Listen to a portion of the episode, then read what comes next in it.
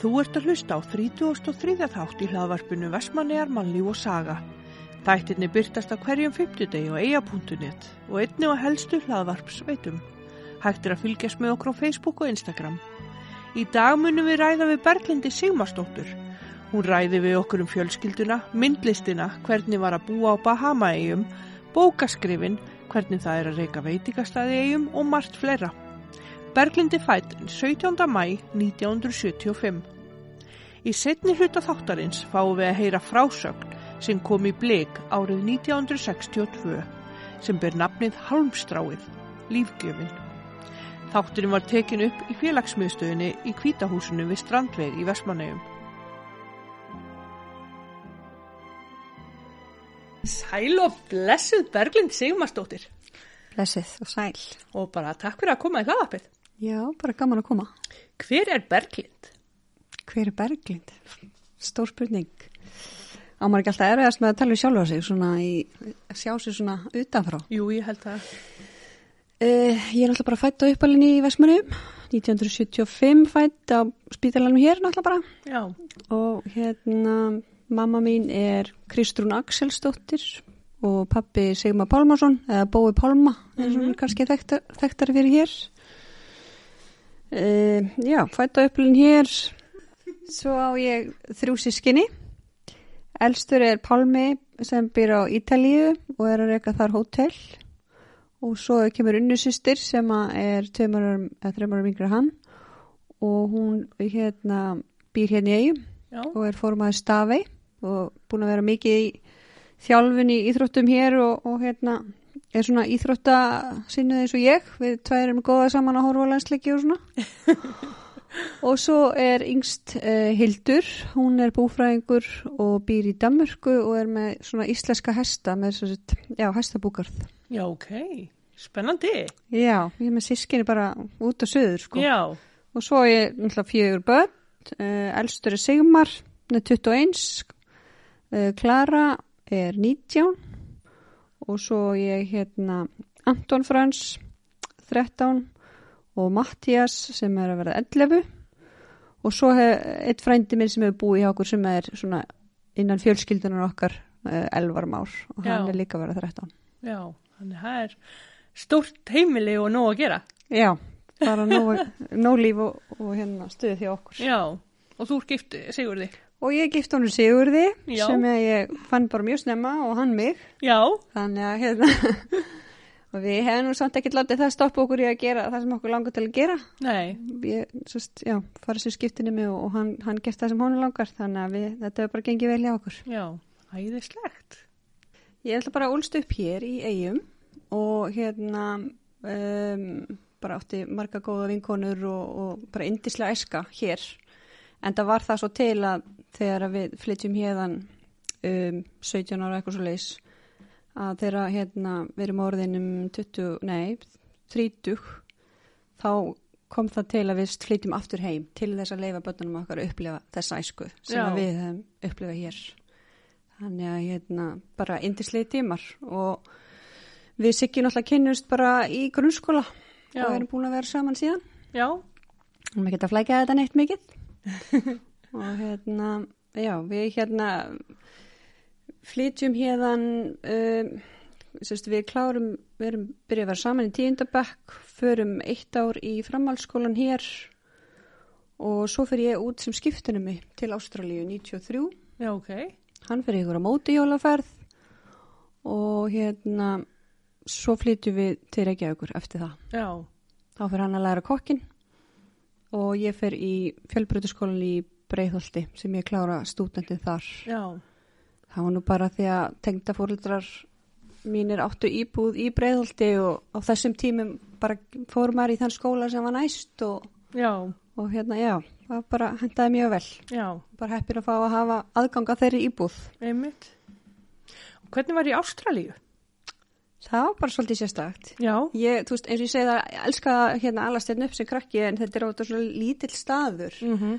og ég fann alveg, þú veist, þegar ég var komin úlisárunum við langa orðið að fara að skoða eitthvað aðeins meira já, út fyrir hérna eigina og það var eiginlega bara þannig að þegar ég skoðaði listan sem að uh, AFS skiptinema samtökin voru með að hérna, ég reyndi að velja bara eitthvað sem var sem lengst í burtu. Já, hínum einu hnettinum bókstálega. Já, eiginlega bara sko til að nýta tækifæri, Já, þú veist, að algjörlega. hérna, það var með þess að þannig að sko það skipti ekki máli held ég til hvaða lands þú fórst að kosta alltaf sama. Já, ok. Þannig ég ætla svo að nýta Já. þetta vel. Mjólka peningin Já, að það, þig. það var ekki það að, hérna, að, að ég þurfti endilega að komast sem svona lengst í burtu sko. það var Nei. bara að hérna, ég líka bara upplifa þú veist, allt annað veðufar og, og, og, og allt aðra menningu þú Já. veist, það var náttúrulega líka auðvitað hluti af þessu en svona það var, já, það var svona tækifæri að- að fara alveg hinum enn og nöttin sko, Já, sem að heillaði mig já, og hérna og þetta var mjög mikið upplifelse ég hérna var mjög spennt að fara og sá bara fyrir mér ég er bara sorpaði og eitthvað svona sko bara á ströndinni. Já. svo lendi ég þannig að þetta er alveg bara ég, einn og hálf sólarhinga ferðalagi eða meira sko og, og ég var sem sagt í fjölskyldu sem að þau voru með sjöböld og þau voru öll yngri en ég Já, þannig að þetta var mjög líflegt og hérna pappin var atvinnulegs ok. og mamman var sem sagt að vinna fyrir okkur öllum nýju þannig að hinnum Úf, þannig að eh, þetta var svolítið sérstætt og ég hafði rosalega gott af já, þessari svona lendingu já, fram að því hafði ég svona verið að panta mér lífarsbuksur svona í, í póskröfu já, á mömmu mína og svona og lifði það bara svona nokkuð hátt og vel sko já, og þarna svona lendi maður aðeins Já. bara svona heyrði, þarna var ég bara orðin hluti af sko fjölskyld sem var með sjöböld mhm, og pappi naturnlus já. Þú þurfti svolítið ströggl og... Já, bara og þú veist, það var bara í kvöldmatin í kvöld eru franska kartöflur Já. þú veist og ég bara svona, hm, býtur það ekki meðlæti Einmitt. hugsaði en sagði það ekki Algjörlega, einmitt. þú veist þannig að hérna, þetta var bara rosa góð lending fyrir Já, mig og já. góður skóli Mm. að vera inn á þessari fjölskyldu og hérna og líka bara þú veist upplifa annað skólarsystem og, Mm. og svona aðra menningu verið í skólabúning og, og ég var mikið í íþróttunum þarna eins og líka hér heima Já, alltaf hérna, hérna verið mikið í íþróttum og small alveg þar inn, þú veist, var að keppi í handbólta fyrir, þú veist, allt fylkið. Ég fór Já, að ok. valið í fylkislið þar og, og spilaði líka fótbólta og bara mjög gaman, sko. já. Hvað hérna, hvar varstu í, í Ástralíu? Ég var í litlum bæði sem heitir Bandaberg sem er í Queensland, Já, ok. sem er hérna svona Sunshine State, sko, þetta var bara sögum allt, allt árið, sko. Já, og mjög gaman og ég kynntist þarna líka íslenskri konu sem var fréttamaður og ég fekk aðeins að svona ferðast með henni og, og svo náttúrulega voru AFS samtökin með alls konar svona ferðalög Já. eh, um Ástralíu og, og hérna já, maður svona fekk að upplifa eitthvað allt, allt annað, það er mitt það sem ég var að sækjast eftir já, þannig að þetta var mjög skemmtilegt Já. og lærdomsrikt. já. Ertu ennþá í sambandi við fólki? Ekki mikið, Nei, en svona, jú, svona aðeins já, en það var náttúrulega alltaf planið að fara aftur út já, En það er einmitt kannski að því það er hínu meira á Já. nettinu og þetta er svolítið meira en að segja að skreppa sko. einmitt. Fyrir ekki helga fyrir til Ástralíu. Nei, ekki alveg. Sérstaklega ekki eftir COVID og Nei, algjörlega. Já, geggjað. Þannig þú hefur lært mikið og, og bara, Já, ég, þú veist, maður náttúrulega, ég fekk að velja mér hérna fög og ég valdi náttúrulega bara svolítið svona sem að mér svona langaði, í, matrýslu og listir og allt svona sem ég hef áhuga á já, og tók hitt svona, auðvitað þurfti að taka eitthvað grunnfög en þetta var bara aðlega þessi svona lífsiskóli sem að maður fór þarna í, þú Já. veist, maður er kannski ekki beint að fara að taka út úr þessu ykkur starfra áfunga eða, einmitt, eða annað já, og hérna, já, það var mikill skóli já, og svo eftir að við komum heim, að ég kem heim að þá sem sagt flytjum við til Reykjavíkur og, og hérna ég klára stúdendin og, og Siggi er í, í kokkanámi hann, hún er gengur rosa vel og og er að vinna, þú veist, á þessum flottustu stöðum í Reykjavík mm. og hérna enda svo með að fara til Fraklands og, og Bandaríkjana og hérna og við erum svona svolítið í, í svona þessu flakki þangað til að hérna hann, um, honum er búið svo að koma til Bahama eiga ok, ég eignast reyndar sko Sigmar árið 2000 já, og svo kemur þetta tilbúið að fara til Bahamas þess að vinnur okkar völli sem að var þá komin út já, uh, vill fá sigga með sér og, og það er sem sagt svona auðkýfingur sem að Dani sem að hefur verið að veiða á Íslandi Já, ok. sem að ætlar að opna veitingast að þannig á Bahamæjum Mm. og þeir eiga að sjá um hann og við einhvern veginn ákveðum það bara að flytja út til Bahamæja með sex mánuða gamlan son Já, og mörgum fannst það nú algjör vitlisa já, já. en það er náttúrulega bara fólki mann sem vil alltaf passa upp að mann sko. já, algjörlega. og auðvitað ég skil það alveg betur núna þú veist, eftir að maður upplið heilbríðskerfiðar og svona ymislegt að Já. þetta var alveg svolítið svona svona, já, áhætta eða svona þannig sé að vera að fara í svona land, Já, framandi heimur. framandi heimur og allt eru þessi menning sko Já. það er alltaf bara ekki hægt að líka því saman en það var líka bara mjög mikið æfintýri Já, Ég náttúrulega fekk ekki atunleifi, það finnaði sko að þú, þú, þú þurftir að sína fram að ykkur sérþekkingu til þess að hérna, fá að vinna. þarna já, ok. úti. Til þess að, að því þú ert náttúrulega að taka atunu af heimamanni Já, og ég var náttúrulega bara með lít, sex mánuða gamalt bat sko, ég Einmitt. var náttúrulega bara í, í fæðingarólufi en Siggi sem sagt síndi fram að það að hann væri klaka skurðameistari já, ok. sem hann er Já, hann hefur hérna gert alveg ótrúlegustu stýttur og klaka en það var hans sérþekking og ég man ekki til þess að hann hafi nýtt hana nokkuð tíma þarna úti í Nei. hitanum. allan hefur verið skemmtilegt að reyna að sjá það. Allan á ströndinni kannski. Já, en hann hérna, já, en það, þetta var áhugert. Ég samt á, eftir svona ákveðin tíma þá langaði mér nú að fara að gera eitthvað og þú veist, maður getur ekkert endalust verið hérna í bara sólstrandafílum, Nei. sko. Þannig að ég bauð mig fram að vinna á sem sagt munaðarleysingjæli já, ok. og, og þetta er náttúrulega svolítið svona fórnarskilegt þarna með við hér, þú veist, þarna voru náttúrulega bara börn sem annarkvort hefur verið tekin af fóröldri sínum vegna aðstæðina eða bara börn sem hefur mist fóröldra sína Já, öllum einhvern veginn svona rúa saman í eitt hús og þetta var styrt af svona fólki sem að gaf peninga í ykkur svona góðum álefni og mm. og hérna og ég hugsa með mér, ég ætla að láta gott að mig leiða og hérna vinna bara þarna frýtt, þú veist já, mitt. og hérna, veist ég mætti ekki hvort þau vinna venjulega vinnu Já, og hérna og þar lærði ég mjög uh, góða leksíu að þó mann langið sérst að láta gott að sér leiða þá er ekkit endilega allir að fara að dyrka mann fyrir það sko nei, nei.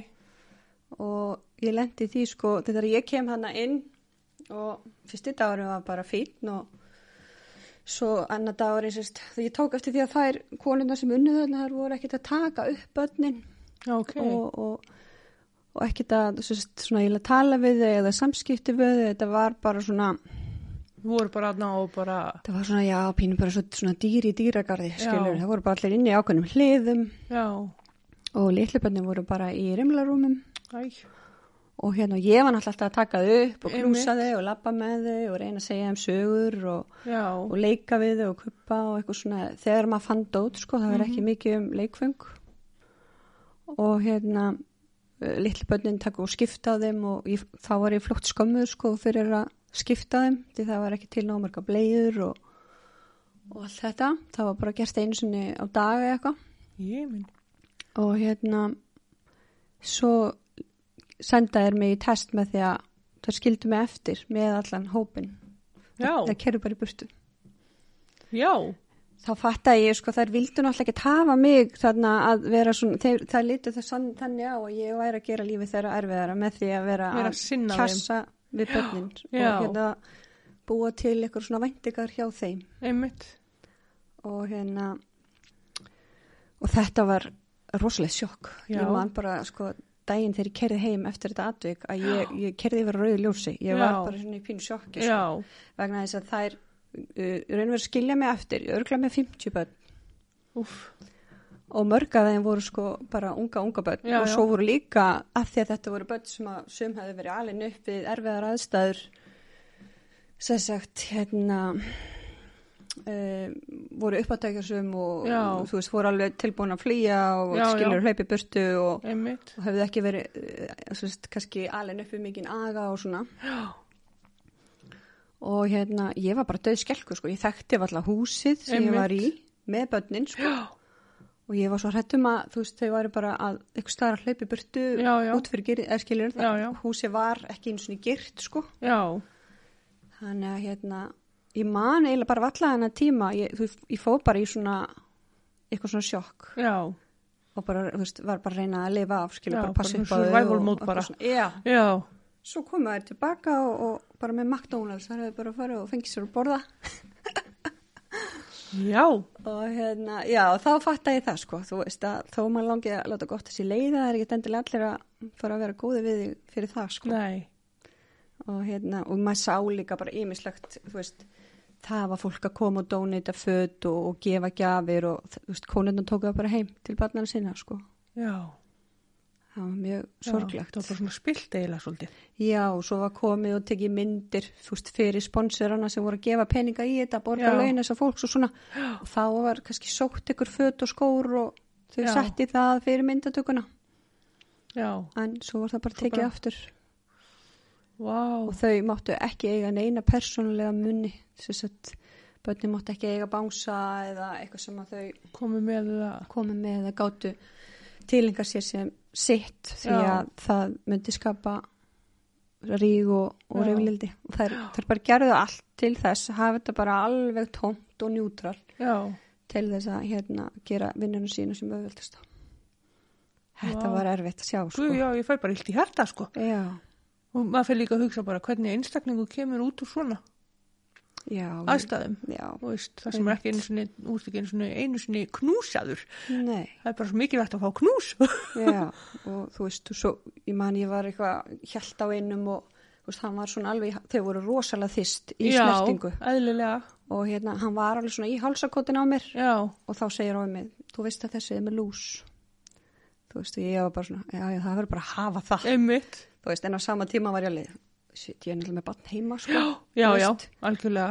Þannig að, þú veist, þetta er svona, já, þetta var, þetta var erfitt. Já, Þú veist, og bara í matinn, bara sp- spagetti og dós, bara Já. og eitthvað svona. já, að maður sér það betur, þú veist, hvað maður hefur haft, haft það gott já, og, algjörlega. og eins og leikskólar og annað sem að maður ólst upp í, þetta var náttúrulega bara forréttindi, sko. Já, Indislega fólk á rauðagerði og, og það sem að maður var einmitt, í, í skóla og allt, sko. já, Þegar þarna sá maður náttúrulega bara hvernig heimur getur verið harður, sko. já, Og ég náttúrulega endist ekkit lengi þarna nei, vegna þess að, já, þú veist að því að ég fekk náttúrulega ekki að sinna börnunum og, og þannig að ég taldi best á þeim tímapunkti eftir að hafa verið hérna í einhverja vikur eða eitthvað að, að fara út úr þessu en tala við fólki sem var að sponsor þetta Já, og segja þeim mína upplifun þarna inni. já, Ég taldi það vera best og ég vissi það alveg að þá gæti ég ekkit komið aftur þarna nei, inn, sko. mitt, algjörlega, Þetta var alveg nógu erfitt fram að því. já.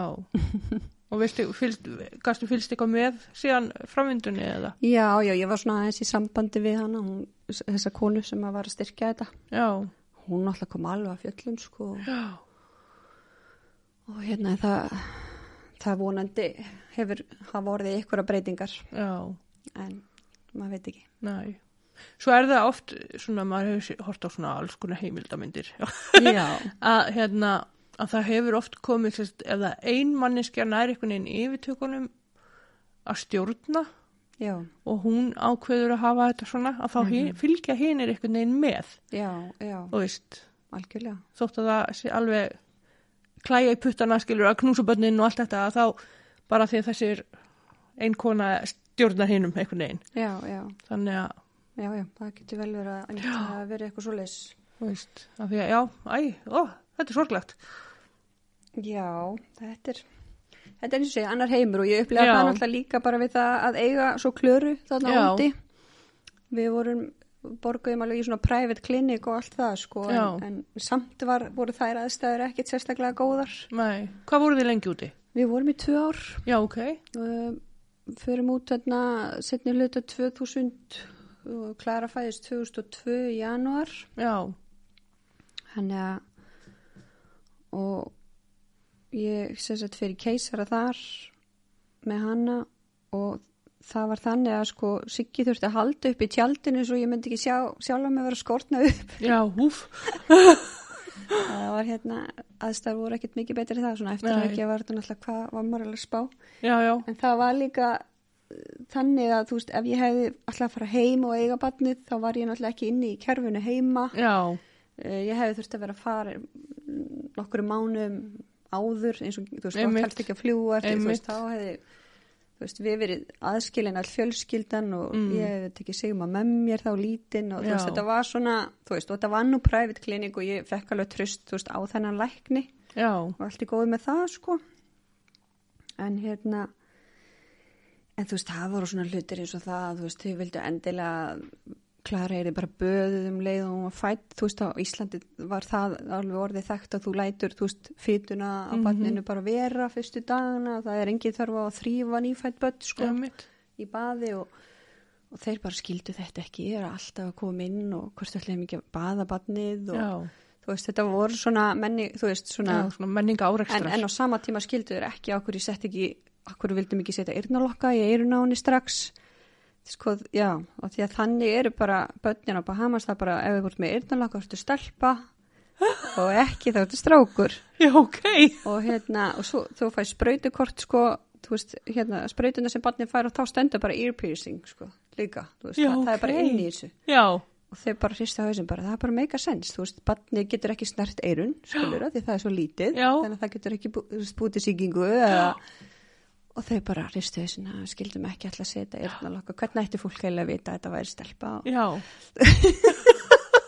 ég er skrítið þetta er ósla skrítið og hérna og Marci, ég menna, þú veist, hún var náttúrulega tekin fyrir tíman því að læknin sá hvað, í sónunum hvað hún var stór þú veist, mm. Íslands börn eru náttúrulega miklu, miklu stærri heldur en börnin þá núti já, enda sko þó að ég var sett í keisara fyrir, tí, fyrir raun og verið settan dag þá var hún bara algjör rísi á fæðingadeldinni já, náttúrulega eina kvítabarni og bara risastór já og hérna og, og eins og íslensbönni eru svona hraust og þú veist farin að lifta haustnum og vilja bara skoða heiminn og, og kvarta og rífa kæft Mhm. Já, svona já. Mm, þú veist vill eitthvað já, á meðan hinn bara voru eins og fóstur bara í tvo-þrjá mónuði, skilur Já. bara sváfi allstaðar sem að sá bara og all með svona lítil börn eitthvað bara svona sofandi utan á sér ég og er meðan hinn skrítið vill, vildi náttúrulega eins og hún bara vildi alltaf vera að gera eitthvað Já. og sjá eitthvað já, og bara brasa Eh, brasa já. ég er skrítið já, þetta er alveg svona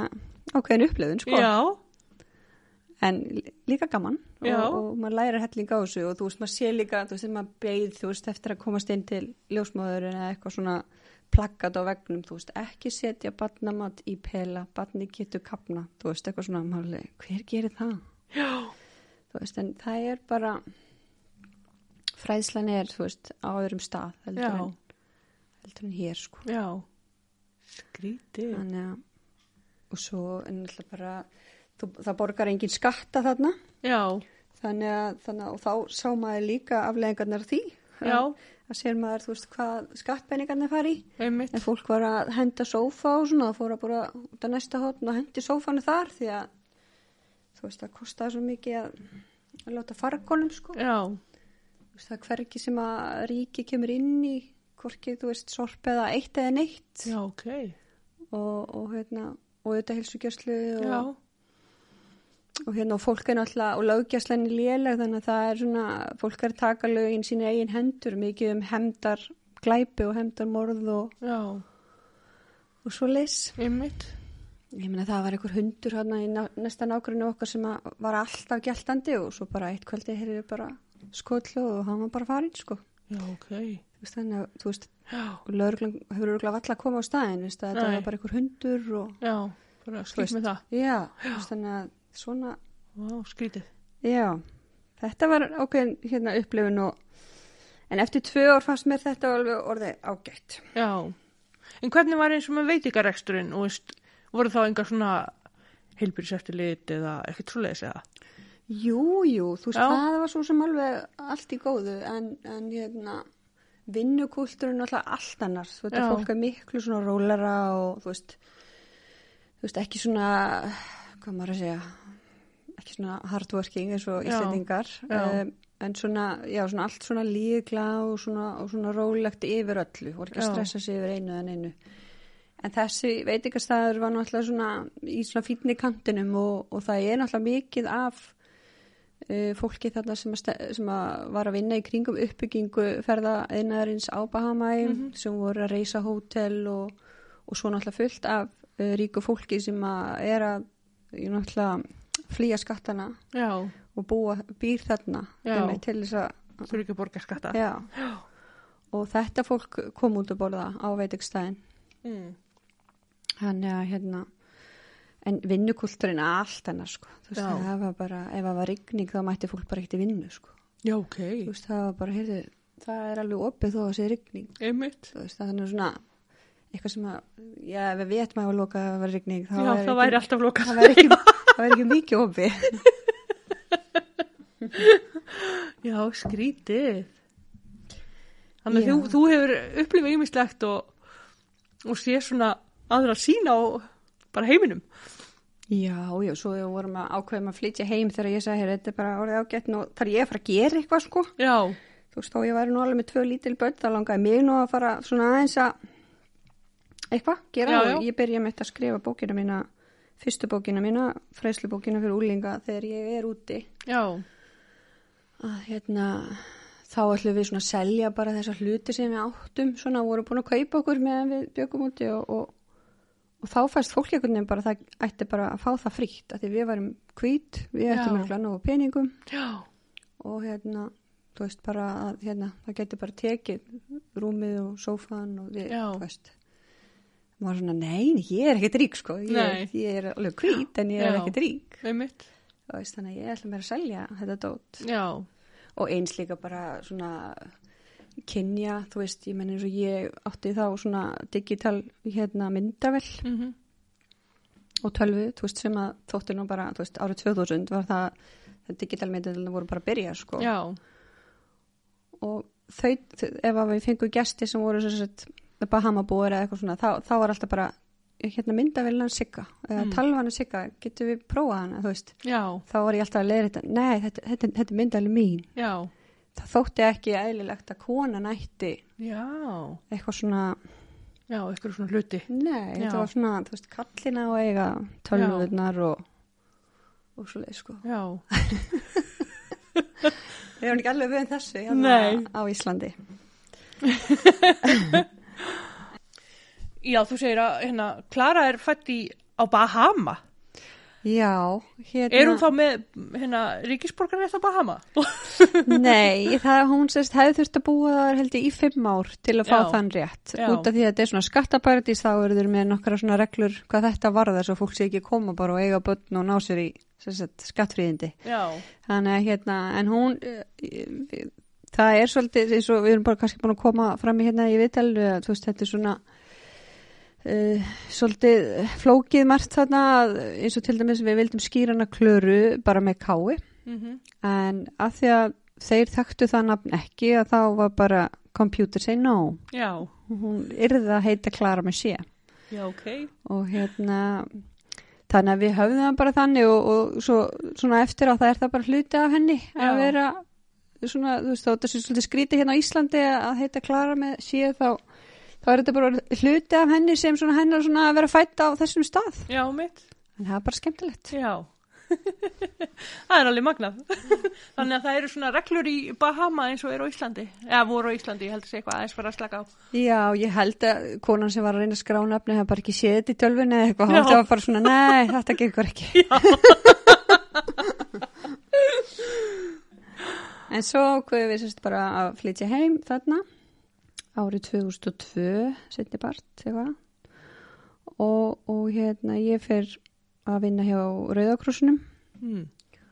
og hérna og gera þessa bók Já, sem er þá fyrsta fyrsta hérna bóki mín af nokkurum já, og hérna ég ákveðs þess að gera fræðslubók fyrir úlinga og ég var alveg bara búin að ákveða það að það þurfti að fara að segja þessum úlingum ykkur upplýsingar og ég veit ekki alveg hvað þessi stundi ég fæði eitthvað á hausinn sko og hérna ég lappa bara inn til stæsta útgefandar held að á Íslandi en að og spyr bara, heyrðu, ég er hérna með hugmynd já, og ég ætla að gefa út bók hérna Já. með fræðslubók fyrir úlinga já, hún á að vera svona, svona, svona og, og hérna hann bara horfir á mig og bara, já, hefur þú eitthvað starfað með úlikum? já, Nei, nei, ok Ertu sálfræðimenduð eða, þú veist, uppeldisfræð? Nei, nei, það er alveg snar geggið, sko En honum fannst hugmyndin góð já, honum fannst uppsetningin og pælingin mjög góð já, og hérna þannig að ég þú veist, ég get alveg verið samfærandi og hérna, þannig að hann alveg, já, mér listu alveg á það. Ég ætla, þú veist, bara heyrið þér og svo bara ringd hann aftur í mig og bara, já, við bara kýlum á þetta og, en ég er samt að spá hvort þið hefum ekki að fá eitthvað með þér sem er svona með ykkur að reynslu, Já, svona til þess að þetta svona komið aðeins betur saman og eitthvað. Og Ég er alveg, já, já, já, ok. Þannig að hann heyrir í Sigri Byrni sem að, Sigur Byrni sem að er fer svo í mér að að vinna bókinu, hún er svona meðferðarfræðingur og hérna hefur unni mikið með úlingum já, og það var bara frábært að vinna með henni og, Já. og, og, þannig var þessi bók til og hún var hérna kom út 2003 mm, og var meðsölu bók já, og hérna, og hérna já, bara mjög vinsal og, og gekk bara rosalega vel já. Og voru miklu árekstar í samstarfinu ykkar? Þú Þá, veist, þá lærði ég að sko maður á aldrei að mæti í sjómasviðtal í í hvítri angurupessu. Ég leit út eins og reysa hamstur. Aldrei að mæti í sjóvarp í hvítu og ekki loðnu hvítu. Þetta, ég gerði þetta aldrei eftir eftir. það. Nei. uh, En þetta gekk bara, já, mjög vel. já, en hvernig gekk samstarfið á milli ykkar? Þú veist, var hún með svipar pælingar og, og þú varst með Já, eða? hún var bara, eða þú veist, hún, hún var bara ána með þær hugmyndir sem Já. ég var með Já, og kom svo með svona sitt innbútt á ymislegt. Já. Hún hafði unnu svolítið, þú veist, hérna, í samtökum uh, samkynniðra og þú veist, Já. allt þetta kom rosalega góða punkta þar Já. og þannig að bókin var bara skemmtileg og, og svona Já. fjölbreytt og ég held að hún að bara sé ennþá, ég meina svona minn kom með hana heim að bókasamninu daginn bara, "Ö, mamma, gerð þú bók? já, Þannig að, hérna, já, ég held að hún sé ennþá alveg á, á lífið, sko. já, æðislegt. Hvað heitir þessi bók? Hún heiti Hvað er málið? Já, ok. Þannig að Þetta var svona, átti að vera svona sko spurningin, þannig að þú veist, að, Já. þetta var svona alls konar upplýsingar um bara allt milli heimins og jarðar. Já, Og þú veist, það, var nú, það er nú ekki mikið upplýsingarstreymi kannski í dag, en það var ennþá verra á þessum tíma já, um allt svona, þú veist, samkynneið, skilir bara sjálfsmynd, já, þú veist, og bara svona ýmislegt einmitt, um fíknefni og, og, og fíkn og þú veist, já, bara allt þannig að og það, þetta bara kom vel út og svo þegar ég sem sagt, ætla svo að gera næstu bók sem að kemur upp úr þarna e, þegar ég fer að breyta mataræðinu hjá Sigmari mínum já, þegar hann greinst með Tourette syndrom já, og ég fer að lesa mig til um það og, og, og hérna allar bækur á netinu og endalust bara og finn út úr því að þú veist breyta mataræðinu að hérna þegar ég ákvað að gefa þá út bókina heilsur eftir fjölskyldunar mhm, þá fer ég þess að til sama útgefanda og hérna, ég segi honum frá þessari hugmynd ég segi ég ætla að gera nýja bók og hérna en ég vil að, þú veist, að þetta veri heilsur þetta bók þá vill ég að hún kom út í januar já, hann bara fór að hlæja sko já, nei, það gefur engin út bók í januar já, þú veist, það er bara það er allar bækur gefnar út í desember já, því það er, þá kaupir fólk bækur og ég bara, nei, ég ætla ekki að gefa hún út í januar já. Það ákveð með það. Já, og hérna, og hann var ekki nógu fljótur að hoppa á vagnin, þannig að ég talaði við a- aðra útgáfu, hann að Rósu og, og Jónas og hérna með bókafélagi og hérna, og þau hoppa strax á, Já, bara geggju hugmynd, januar, við vitum Einmitt. ekki alveg, þú veist, Já. nei, eitthvað reyndu, nei, og ég bara, jú.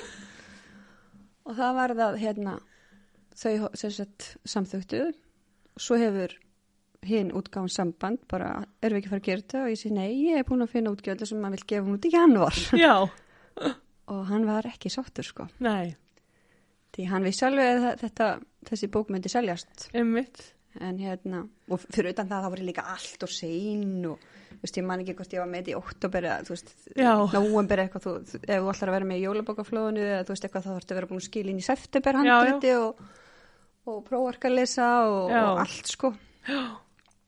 Þannig að, hérna, já, þannig að þetta var lendingun, hún kom út í janúar minni mig og, og hún var líka með sölubók einmitt, og gekk bara rosa vel. já. Mjög góður uppskrift í henni. Já, takk fyrir það.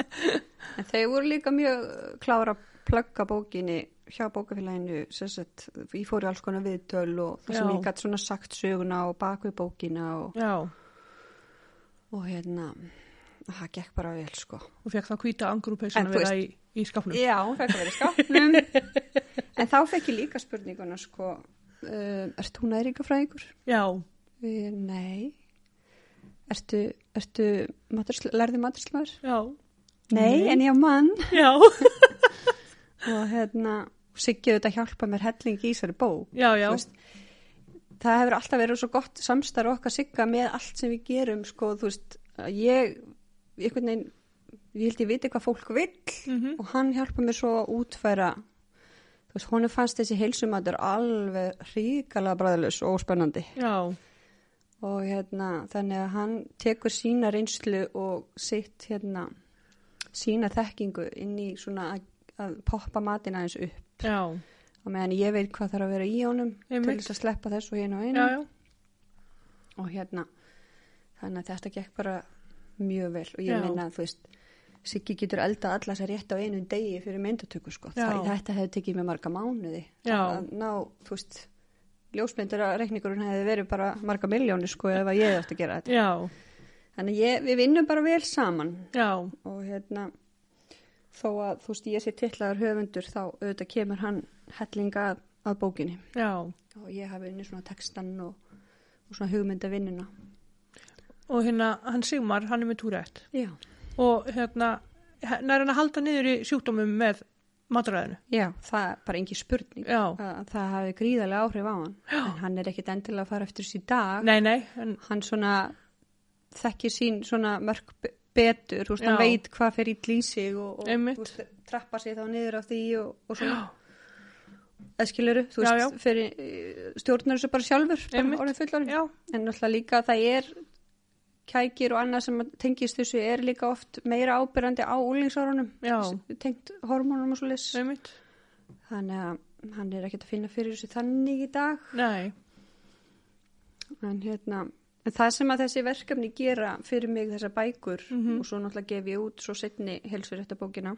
já, þegar ég er flutt hinga. já, En það er sem sagt mín svona, út, svona listræna útrás. já, Þú veist, ég á sínu tíma eftir að klára stúdendi fór í, í sálfræði og þú veist, ég bara, ég, ég gat ekki verið, þú veist, ég, mér fannst þetta alltaf rosalega áhugavert. mhm, En ég gat ekki skrifa reitgerð þar sem ég mátti ekki segja það sem mér fannst. já, þetta bara hendaði mér ekki og ég Já. finna núna þetta er bara, þú veist, ég það, þetta er bara listamaðurinn í mér sem Já. þarf alltaf að vera að tjá sig einmitt, og hérna, þú veist, mér erst alveg áhugavert hvað aðrir hafa að segja, ég er ekki að segja það en þú veist, þetta, þetta bara gaf mér ekki Já. neitt, Já. þú veist, þetta var svona ég hefði alveg gett að klára þetta já, já, þú veist, ég verið alveg fýtt námsmaður já, já, en ég bara, þú veist, einhvern veginn og ég, þannig, og ég gegnum veit eitthvað staðinn, þú veist, uh, hanna útlitið að honum, þú veist, í, og, og náttúrulega líka pítsugerðinni, mhm, þú veist, vera hanna matsela, taka myndir, já, þú veist, þetta er mín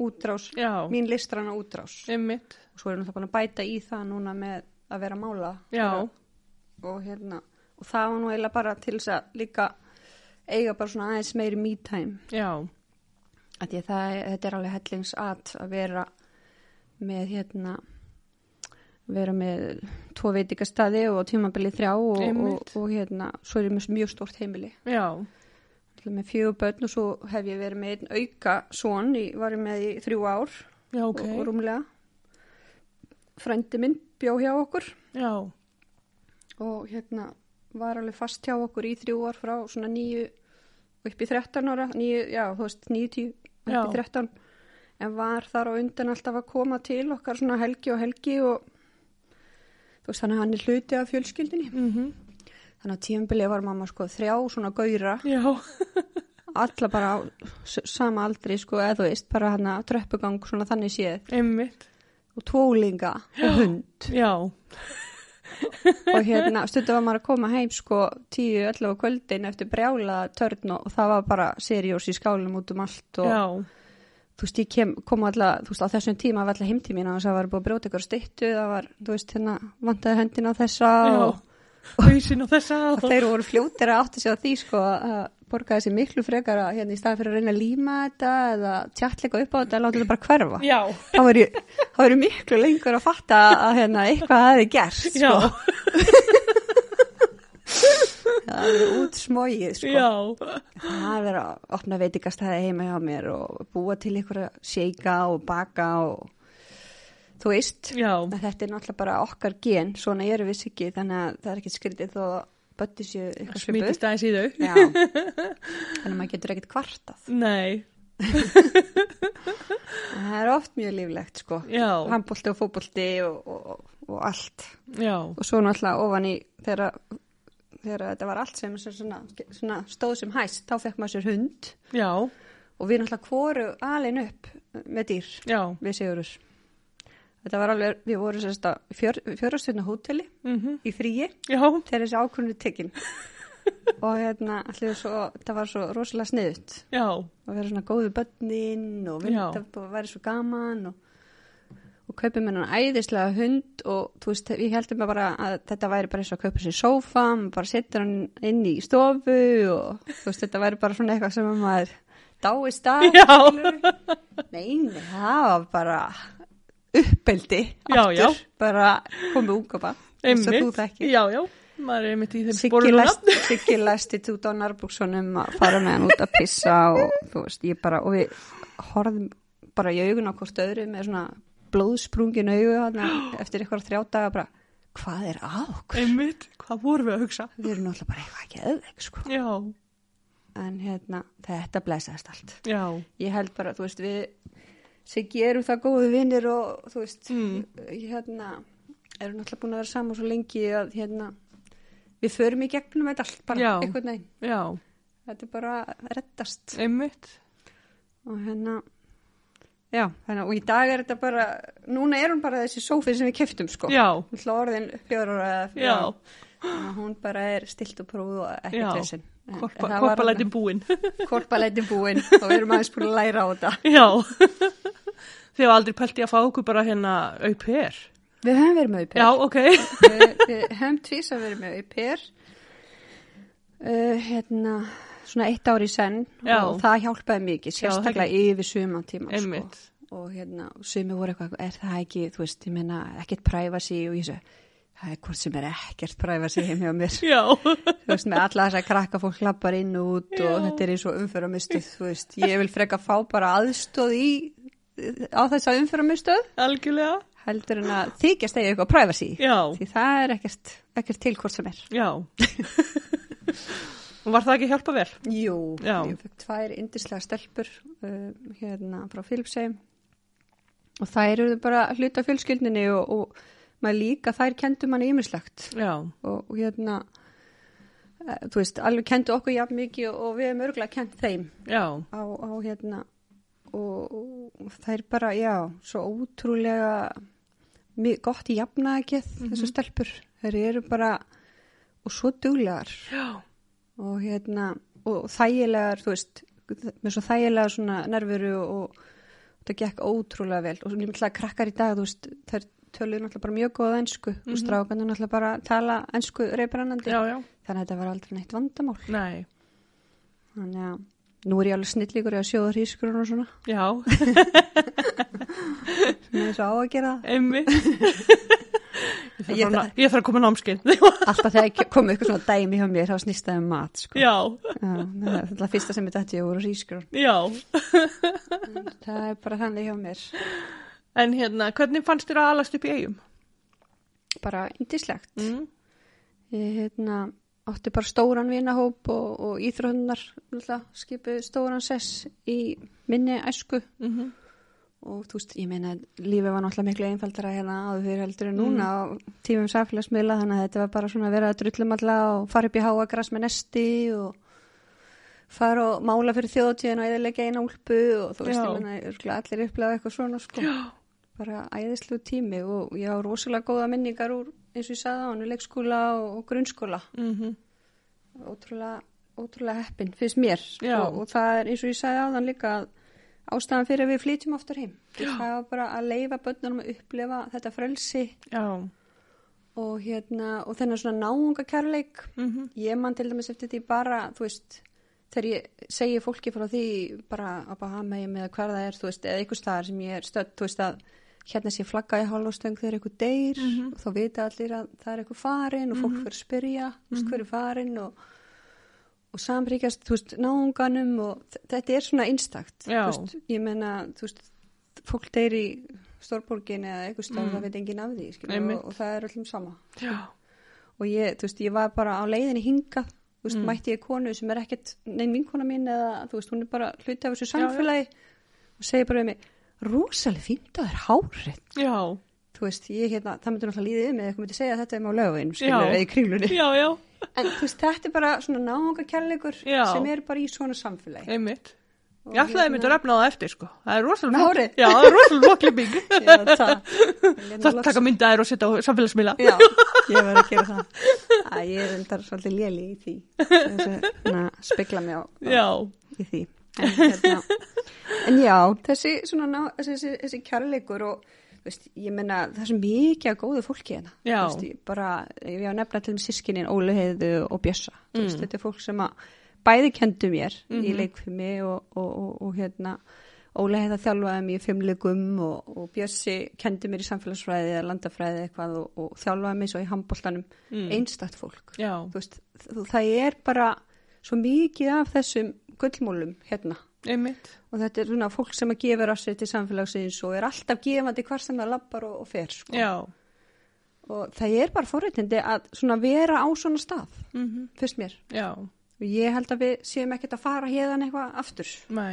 og ég, þess vegna er kannski líka mér mikið í mun að vinna í sem sagt að gefa að mig til samfélagsins mér langar að þetta samfélag geti gengið upp og, og fólk geti búið hér þú veist, mm við, við góða þjónustu og, og annað já, og hérna þú veist, ég hef verið í knaspunur á því kvenna og hérna og ég er náttúrulega formaður ferðamála samtaka Vestmanneja búin að vera það í fjögur ára eða eitthvað og er búin að vera að reyna svolítið að, að hérna íta á það að við sjáum ferðaþjónustuna hérna sem svona stærra dæmi heldur en hefur verið hugsað áður mhm, og, eh, og svo var ég að stofna nýtt félag núna með geggjum stelpum hérna miðbær félagi heimabær mhm, og hérna það svona, maður er að hugsa þar sko að eh, svona fegra bæin, líka venda bæin sem sagt, maður vil svona venda gömlu eh, húsin og, og, og svona myndina Mhm. já, áður en að fleiri hús verða rifin eða Já. þá að þau séu þá rifin en endurbyggð Já. í sömu mynd einmitt. og því að það er rosalega mikilagt að, að hafa bæ sem að svona hefur sín sjarma og sína Mhm. sögu Já, og, og hérna það er mörg hús hérna sem að, þú veist, fólk hefur marga góða minningar frá einmitt. og svona, það sé svona kannski ykkur heildarsýn og, og svona, já, í þessu Já, og það, það hefur náttúrulega verið pínuð þróun hérna að uh, sko, verslun og húsnaði er tekið undir íbúðir já, og, og hérna það hefur náttúrulega vantað sem sagt, svona íbúður fyrir ferðamenn líka á sumrin en, en það verður bara að vera í öðrum húsum Já. það verðum einhvern veginn að reyna að stýra því þannig einmitt. Því að um leið og verslunahúsnaði er orðið íbúarhúsnaði sem er kannski bara nýtt tvo mánu ári, Já, þá er slögt ljós í þessum gluggum hinam nýja Einmitt. tíu mánuðina já, og, og, og gardinu dregna niður og, Já. og það, það slekkur svolítið á lífinu í bænum já, og þú veist, við eigum alveg að, að geta svona haft einhverja stefnu í þessu já, og hérna og komið okkur saman um að þú veist, hafa, að við, þú veist, sopna þetta félag og við höfum öll eitthvað að segja mhm, við komumst að einhverju niðurstöðu, hvernig við viljum sjá með bæin okkar, þannig að við séum svona öll á sömu vegferð. já, einmitt. Og líka, þú veist, kannski bara, ég, þú veist, ég tók myndir af hérna húsum í bænum og svona bara miðbænum og setti saman og blaði var eiginlega bara grátt Já, og það er ekkit eitthvað einum að kenna, þú veist, að, Nei, nei. að, þú málaðir húsið eitt grátt, skilur, Þa, það, er ekki, það er ekki það sem ég er að segja, heldur, nei, nei, sko, fólk á það til náttúrulega bara að mála í ykkur svona sem að er örugt og Já. það veit að þetta er ekki út í sko í næsta mánuði Einmitt. skilur og, og hérna það er bara full skiljanlegt en ef að við til dæmis uh, komum okkur saman um að það sé gaman að hafa litríkan bæ mhm, og, og ég ætla að hafa gott gullt skilur Mhm. og væri gaman að þú hefði þitt raukt eða blátt og við myndum svona uh, mynda ykkur stemmingu já, og þá eru kannski hérna allir til í að vera þú veist, í, í, þe- í, í þeirri stemmingu Já. og, og við svona erum svona á sömu leið já, Þú veist, það er enginn að skikka neitt til að gera neitt nei, nei, en það er hægt að koma með hugmyndir já, og, og hérna og sjá svo bara hverju eru með og, og Einmitt. hvernig það kemur út. Já, geggjað. Já, ég held að sé, þú veist, þetta er mikilvægt fyrir bara okkur sem búum Já, hérna, já. þetta er mikilvægt fyrir börnin okkar sem er aðlast inn á upp Já, já, og svo er þetta líka aðlaðandi fyrir gesti, fyrir Mhm. ferðamenn og ég meina það við vitum það öll að fara á syklufjörð eða Já. seyðisfjörð og þú veist, þú veist eða Ísafjörður, stikkisfjörð, já, þú veist, sjarmerandi Einmitt. hús hafa Já. ótrúlega mikið að segja algjörlega. og þú veist ferðamenn náttúrulega fyrst og fremst hugsa um söguna þegar Mhm. þeir koma á staðin og, og ef að það er búið að rýfa öll hús og við erum Já. bara með allt eitthvað skilur, þa þá er svolítið sjarmi farin já, algjörlega.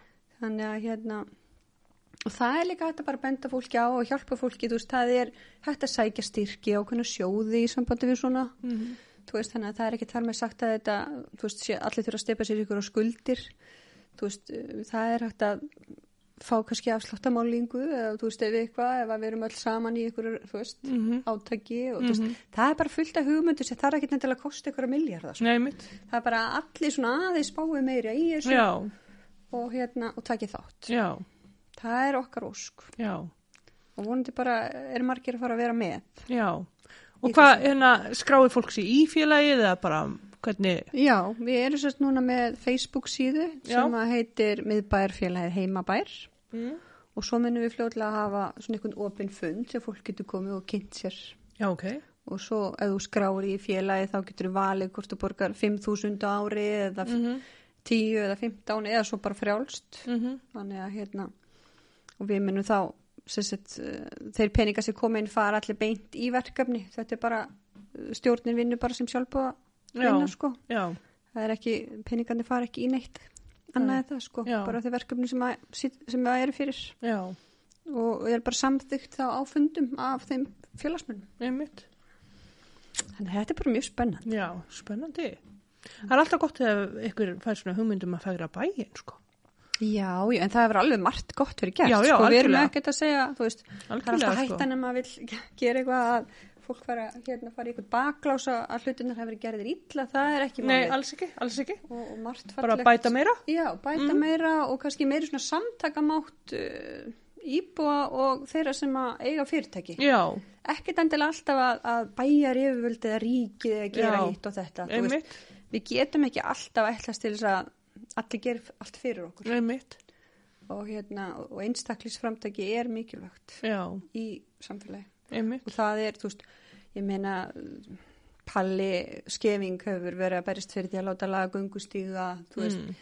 eh, Halli í kantón eh, kom með lundana hérna, fólk mm er nú mjög hrifið að taka myndir af Mhm. Já. því, þú veist, þetta er allt einstaklisframtök, ég Einmitt. meina Maggi bara sett á stað puffinhlaupið já, sem er gríðalega orðið mikilvægt til að Algjörlega. starta sömrunu hér fyrir þá sem er til dæmis í ferðarþjónustu og, Já. og veit ekki staði og annað, hótelgistingu þú veist, einstaklisframtök skipta gríðalega miklu máli mhm, og það, það er þú veist, eins og sé, það er, það er ekki alltaf hægt að býða eftir að einhver annar gera alltaf hluti nei, þannig að hérna stundum verðum að bara standa upp úr sófanum og gera eitthvað. já já, já, og þú veist, tala ekki um í góðum félagskap, það Já, er já. bara geggja gaman Já, algjörlega, eins og fólk þekkir úr kífanis og Já, þetta já. er allt fólk sem er að láta gott þessi leiða í góðum félagskap. já, Þannig að hérna, það er bara spurningum að velja eitthvað sem að þú brennur fyrir og, og hérna, láta vaða. já, en hvað hérna, þú fórst að mála, ertu búin að vera að mála alltaf eða er þetta eitthvað svona sem þú ert að taka upp núna eða? Ég hef, Ertu að taka náttúrulega- upp penslin? Wow. ég hef nú alltaf verið eitthvað svona brasa í svona, já, eitthvað svona föndri kannski meira, svona Já. bara að gera eitthvað svona, svona, þú veist, fyrir mér til bara að lappa inn í hérna, svona um, búð með svona málingu og svona, ég fæl bara svona fyrring í puttana, Já. sko. Þú veist, að lappa inn í svona sælkettisbúð fyrir mér, sko. Já. Þannig ég hef alltaf, þú veist, ég hef alveg tekið svona rispur, ég var til dæmis svo tímabilið að búa til rosa mikið að sápum Já, og ég setti til dæmis upp sem sagt, svona heima hjá mér sérst, kaffibóð já, þar sem að allar kökurnar voru sápur já, ok, og tók myndir af þessu og eitthvað svona, þú veist, þetta er Já. svona eitthvað, kannski, eitthvað myndi kalla þetta gjörninga eitthvað, en já, já, þú veist, ég fæ oft svona eitthvað hugmyndir og þá bara framkvæmi ég það, Já. en svo get ég líka alveg bara verið búið með það, bara, þetta er bara, ok, þetta er bara búið já, ég ætla ekki að gera meira Já. þessu búin að fullnaði þessu þá kemur eitthvað annað. já. Já, og þannig er það kannski líka núna nema að uh, ég er að leifa listinni núna svolítið þróast Mm Þú veist, ég var svolítið í því bara, ég kefti bara eitt striga Já, og kefti ég bara málingu og ég bara, þetta átti bara að vera myndin já, og hérna, en list er náttúrulega þannig að hún, hún, hún þarf að svona þróast mm Þú veist, þetta er ekki bara eitthvað sem að þú hendir á Nei. striga og þetta er bara klárt já, og ég náttúrulega ætlaði að fá útrás sem sagt, ég ætlaði, ég fór sem sagt í hönnun Já. þegar ég er eh, ég er náttúrulega búin að hoppa þannig yfir nokkuð tíumbil, ég var að vinna hann hjá Rauðgrúsinum og svo fór ég að vinna hjá Atorku grúp, ég prófaði þetta grúp dæmi á þessum tíma, já. Og Hvað er atorka grúp? það var Já, svona var. fjárfestingafélag og, Já, ok. og, og þannig að maður var svona hann í uppgripinu hann að 2007 Já. tímabilinu en þetta var náttúrulega enga vegin, þú veist, mitt sko, Nei. svo kemur hrunið og ég vil að bjarga mér út úr þessu Já, að ég fyrir meira í bækurnar og, Já. og, og svona en ég ég hafði samt mjög gaman að vinna þú veist, í, hjá aðdorkugrúp bara að félagskapnum og, og fín, fínast að vinna sko. já, já. en hérna en ég fer svo loksins í hönnun í, uh, ég ætlaði að fara að sækja um sem sett svo í listaháskólanum Mm.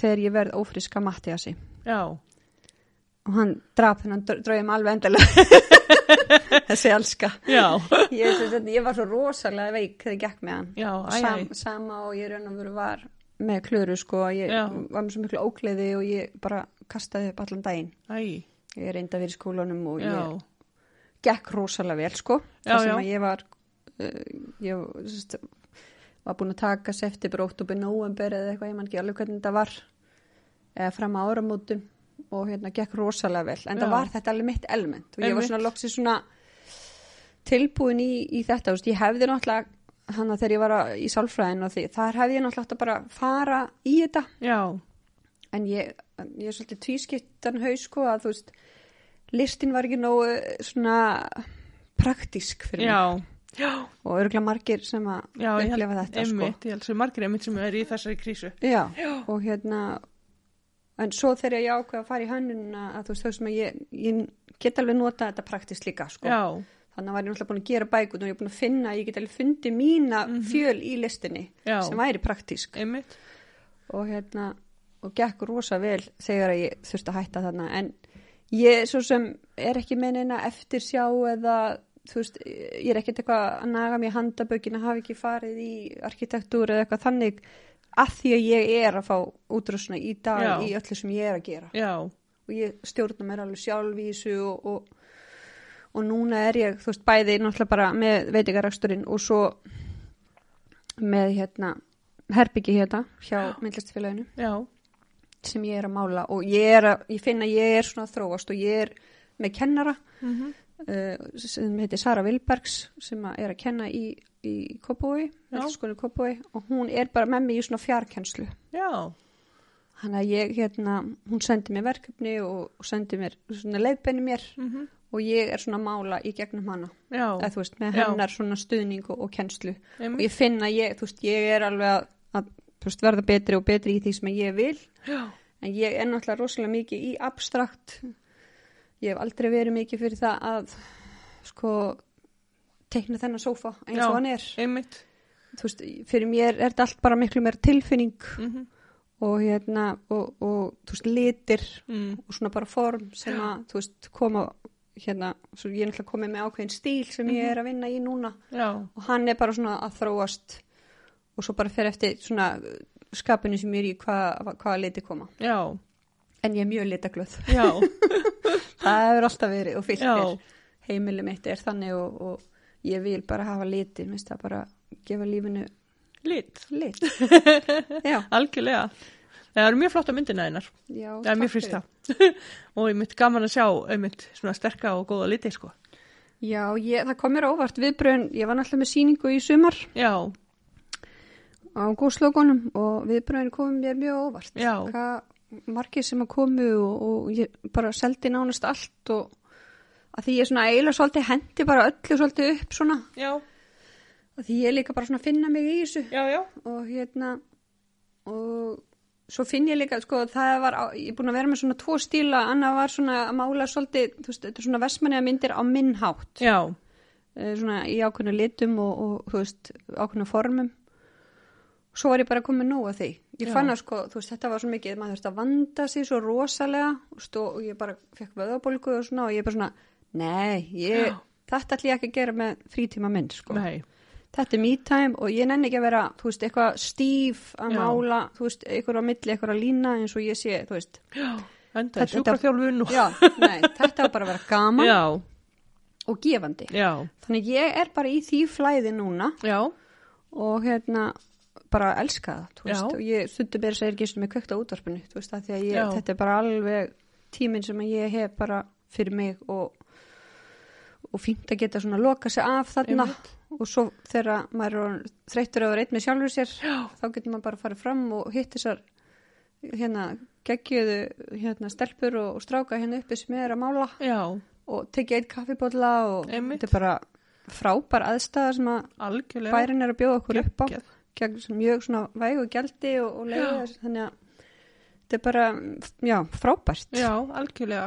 og nú er ég bara búin að vera svona alltaf, svona droppa inn og mála eina mynd og selja það og, Já, já, og nú er hún hérna Sigrún sem er, var að opna nýju heimadegur hún Já. er alltaf með eina mynd uppi eftir mig já, og það er líka skemmtilegt já, þú veist það er algjörlega. svona fólk er átt feimið að koma kannski skoða inn í Já. svona lista herbyggi heldur að verða að kaupi eitthvað Já. eða eitthvað að kemur að skoða og svona óþægilegt Mm þannig að það er mjög flott að þú veist fólk getur séð þetta þarna og svo náttúrulega líka er þetta með Instagram Já. síðu Já, og hérna þar getur fólk líka séð myndirnar en, en bara skemmtilegt já, algjörlega.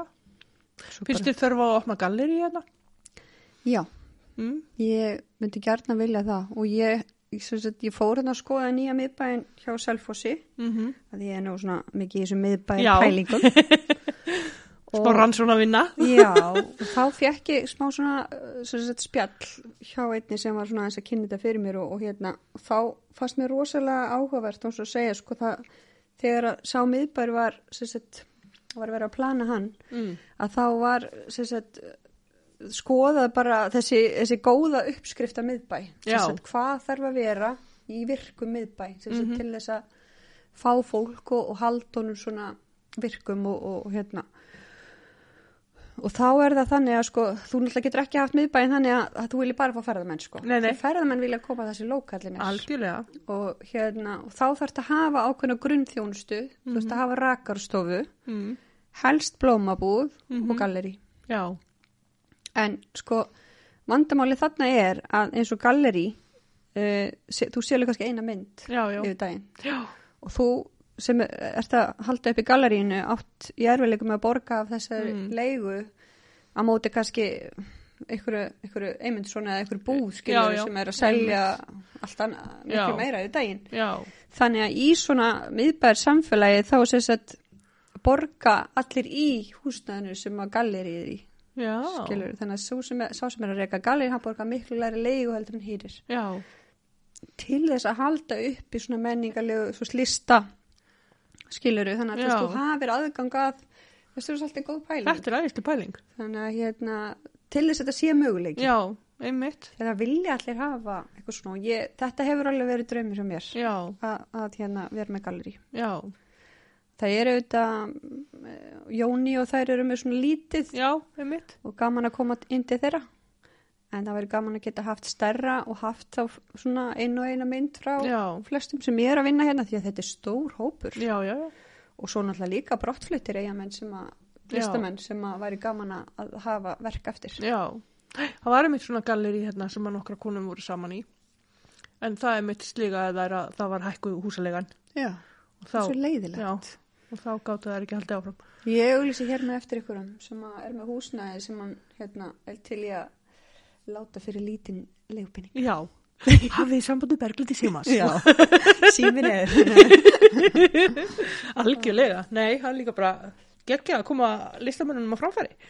Þannig það eru, Já. við eigum ótrúlega mikið af góðum listamönnum, sko. alveg hellingur og, og hérna fjölbreytt líka Já, algjörlega. það hefur komið út í hún hérna Jóhanna hérna uppi er að sauma úr hérna, nota sérst gamla leðurflíkur, svona leðurbuksur og jakka og svo var hún að byrja að klippa einn jakkan um daginn, ég bara nenn, nenn, nenn, nenn, tóka af henni leðurjakkan, ég er búin að setja hann í leðurbyggi Já, bara ég aðeins búið að klippa henni en minnst hann geggjaður Já. Ég held að það, þú breytir ekki þessum í tösku sko. Nei, Það það er ótrúlega gaman að vera hérna já, og innan um hérna þessa listamenn sko. Eh. einmitt, Allt svo létt geggja fólk sko. já, bara mjög skemmtilegt. Já. Já, finnst þið vanta, hérna, nú ég fann að stjórna þessu bara, Nei, Endilega. finnst þið vanta eitthvað gaggar krökkum, svona uh, listatengt? Já, er það ekki? Vantar ekki eitthvað aðeins svona meira eitthvað svona, það væri, væri til dæmis gott einmitt líka, eitthvað svona Já. húsnæði eða, Jóna hefða hjá, hérna, félagsmi, eh, já, eru félagsmiðstöðinu með eitthvað svona smá námskeið, já, en að vanta kannski eitthvað svona smiðju kannski? já, einmitt, eitthvað svona svo getur svona aldrei lappa inn í og Mm. tala nú ekki um sérstaklega núna þegar um, veist, allir er að reyna að taka símana úr höndunum og beinunum sko að hafa svona eitthvað fjölbreytt í bóði. Ég reyndar hérna, s- sendi inn í hérna, viltu hafa áhrif? Já, og einmitt að hérna hvort það vantaði ekki að opna listasmíðu fyrir krakka þess að þau getur bæði verið í, í myndlist og leiklist og þau getur verið þess vegna með hljómsittir já. bara allt saman geggjað. það alveg Það getur verið, hljóma vel. getur verið mjög skemmtileg hugmynd Já. með frábær hugmynd. mynd fram í að sitja hérna yfir Já. ef að það fyndist húsnæði Algjörlega. En þú spurði maður hver er Berglind, ég Já. var nú að segja sko hérna, það er marg, ég held í sig svolítið mískilin, ég held að margir sem held í sig algjör, já, hvað maður að segja,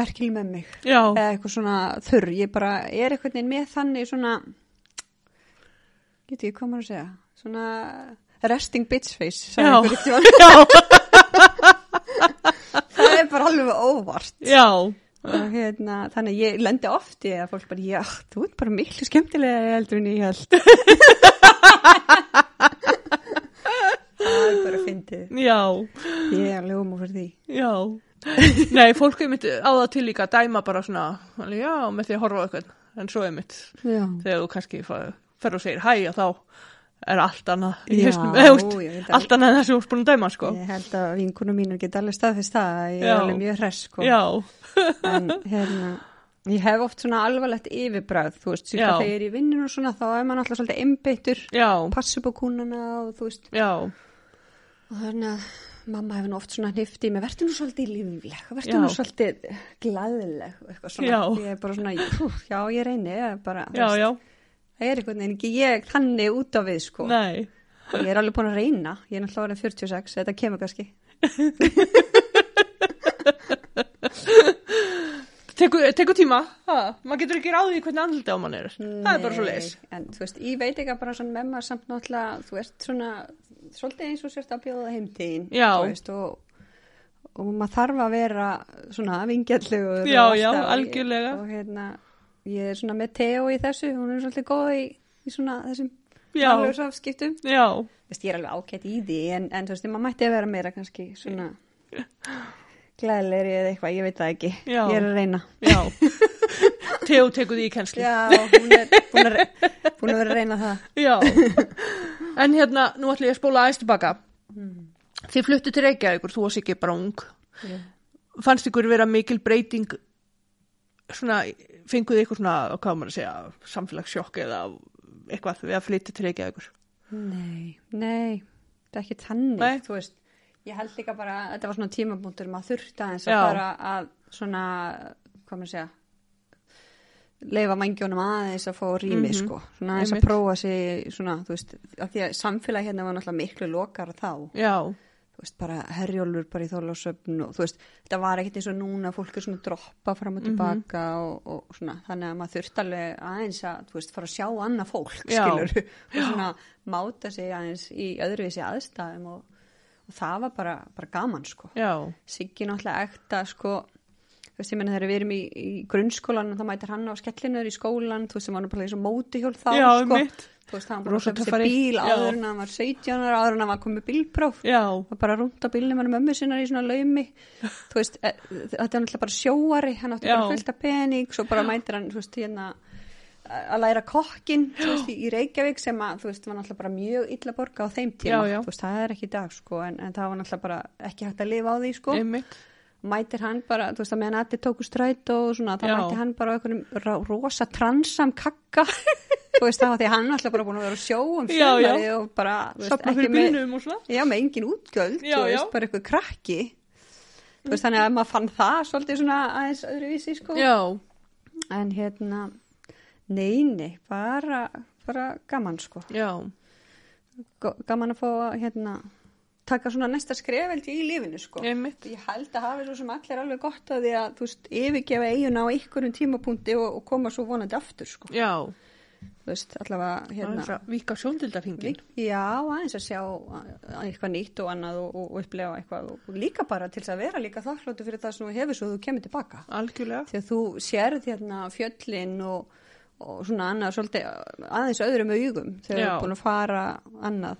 Allavega gerði ég það Já, ég held að sé alveg fleiri og svona líka eins og þessi litlu hlutir sem ég nefndi áðan þú veist þessi, þessi þetta samfélag þú veist Mhm. hvernig man, auðvitað þótti mann það bara sjálfsagt þegar maður bara ólst hérna upp Já. hvernig, hvernig samskipti voru og, og, og, og svoleiðis og hérna, þú veist, það er allir að ala upp börnin með manni og þú veist, maður fær alveg bara skila búið, heyrðu, Mattias er að hjóla niður heiðavegin með enga hjálm, Já. þú veist, eða eitthvað já, að hérna eh, þú veist þetta er eitthvað sem að þú þekkir ekki nema nú þú prófur að vera eitthvað annars það skilja, Já. þú veist, þú ert ekki þakkláttu fyrir það þú, þú, þú skilur ekki munin sko. einmitt. þannig ég held að það hafa allir gott að því Já, að, að prófa að búa annars staðar en, en þetta er besti staðar en að vera á samt já, allavega það er okkar niðurstaða já, og hérna maður er bara að vona, nú sér maður að það er búið að fjölga í eigum og, og hérna maður er að vona að þú veist það bara haldi áfram mhm.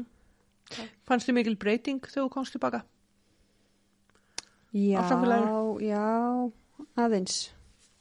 Ekkert eitthvað samt sem ég man eitthvað sérstaklega eftir Nei. að það væri, þú veist, en, en það er náttúrulega, það hefur breyst náttúrulega eins og núna með náttúrulega ferða viðnaðanum, þú veist, fleiri veitingastæðir og betri þjónusta Mhm. í, í ymsu, sko. Mm En að samaskapið er náttúrulega farið, þú veist, kannski heilbriðstjónusta og eitthvað svona, þú veist, og geta flóið að bara mm -hmm. hoppfargjaldi verið vimmúskall, skilur, þannig að þú veist, það er svona aftur og mm, fram í svona mismunandi Já, og núna getur ekki einu svona flóið. Nei, og þetta Eins er sorglegt eitthvað og sem það að Já, þetta er eitthvað sem að vonandi lagast Já. En hvernig upplifur þú samfélagi í Vestmannaugum?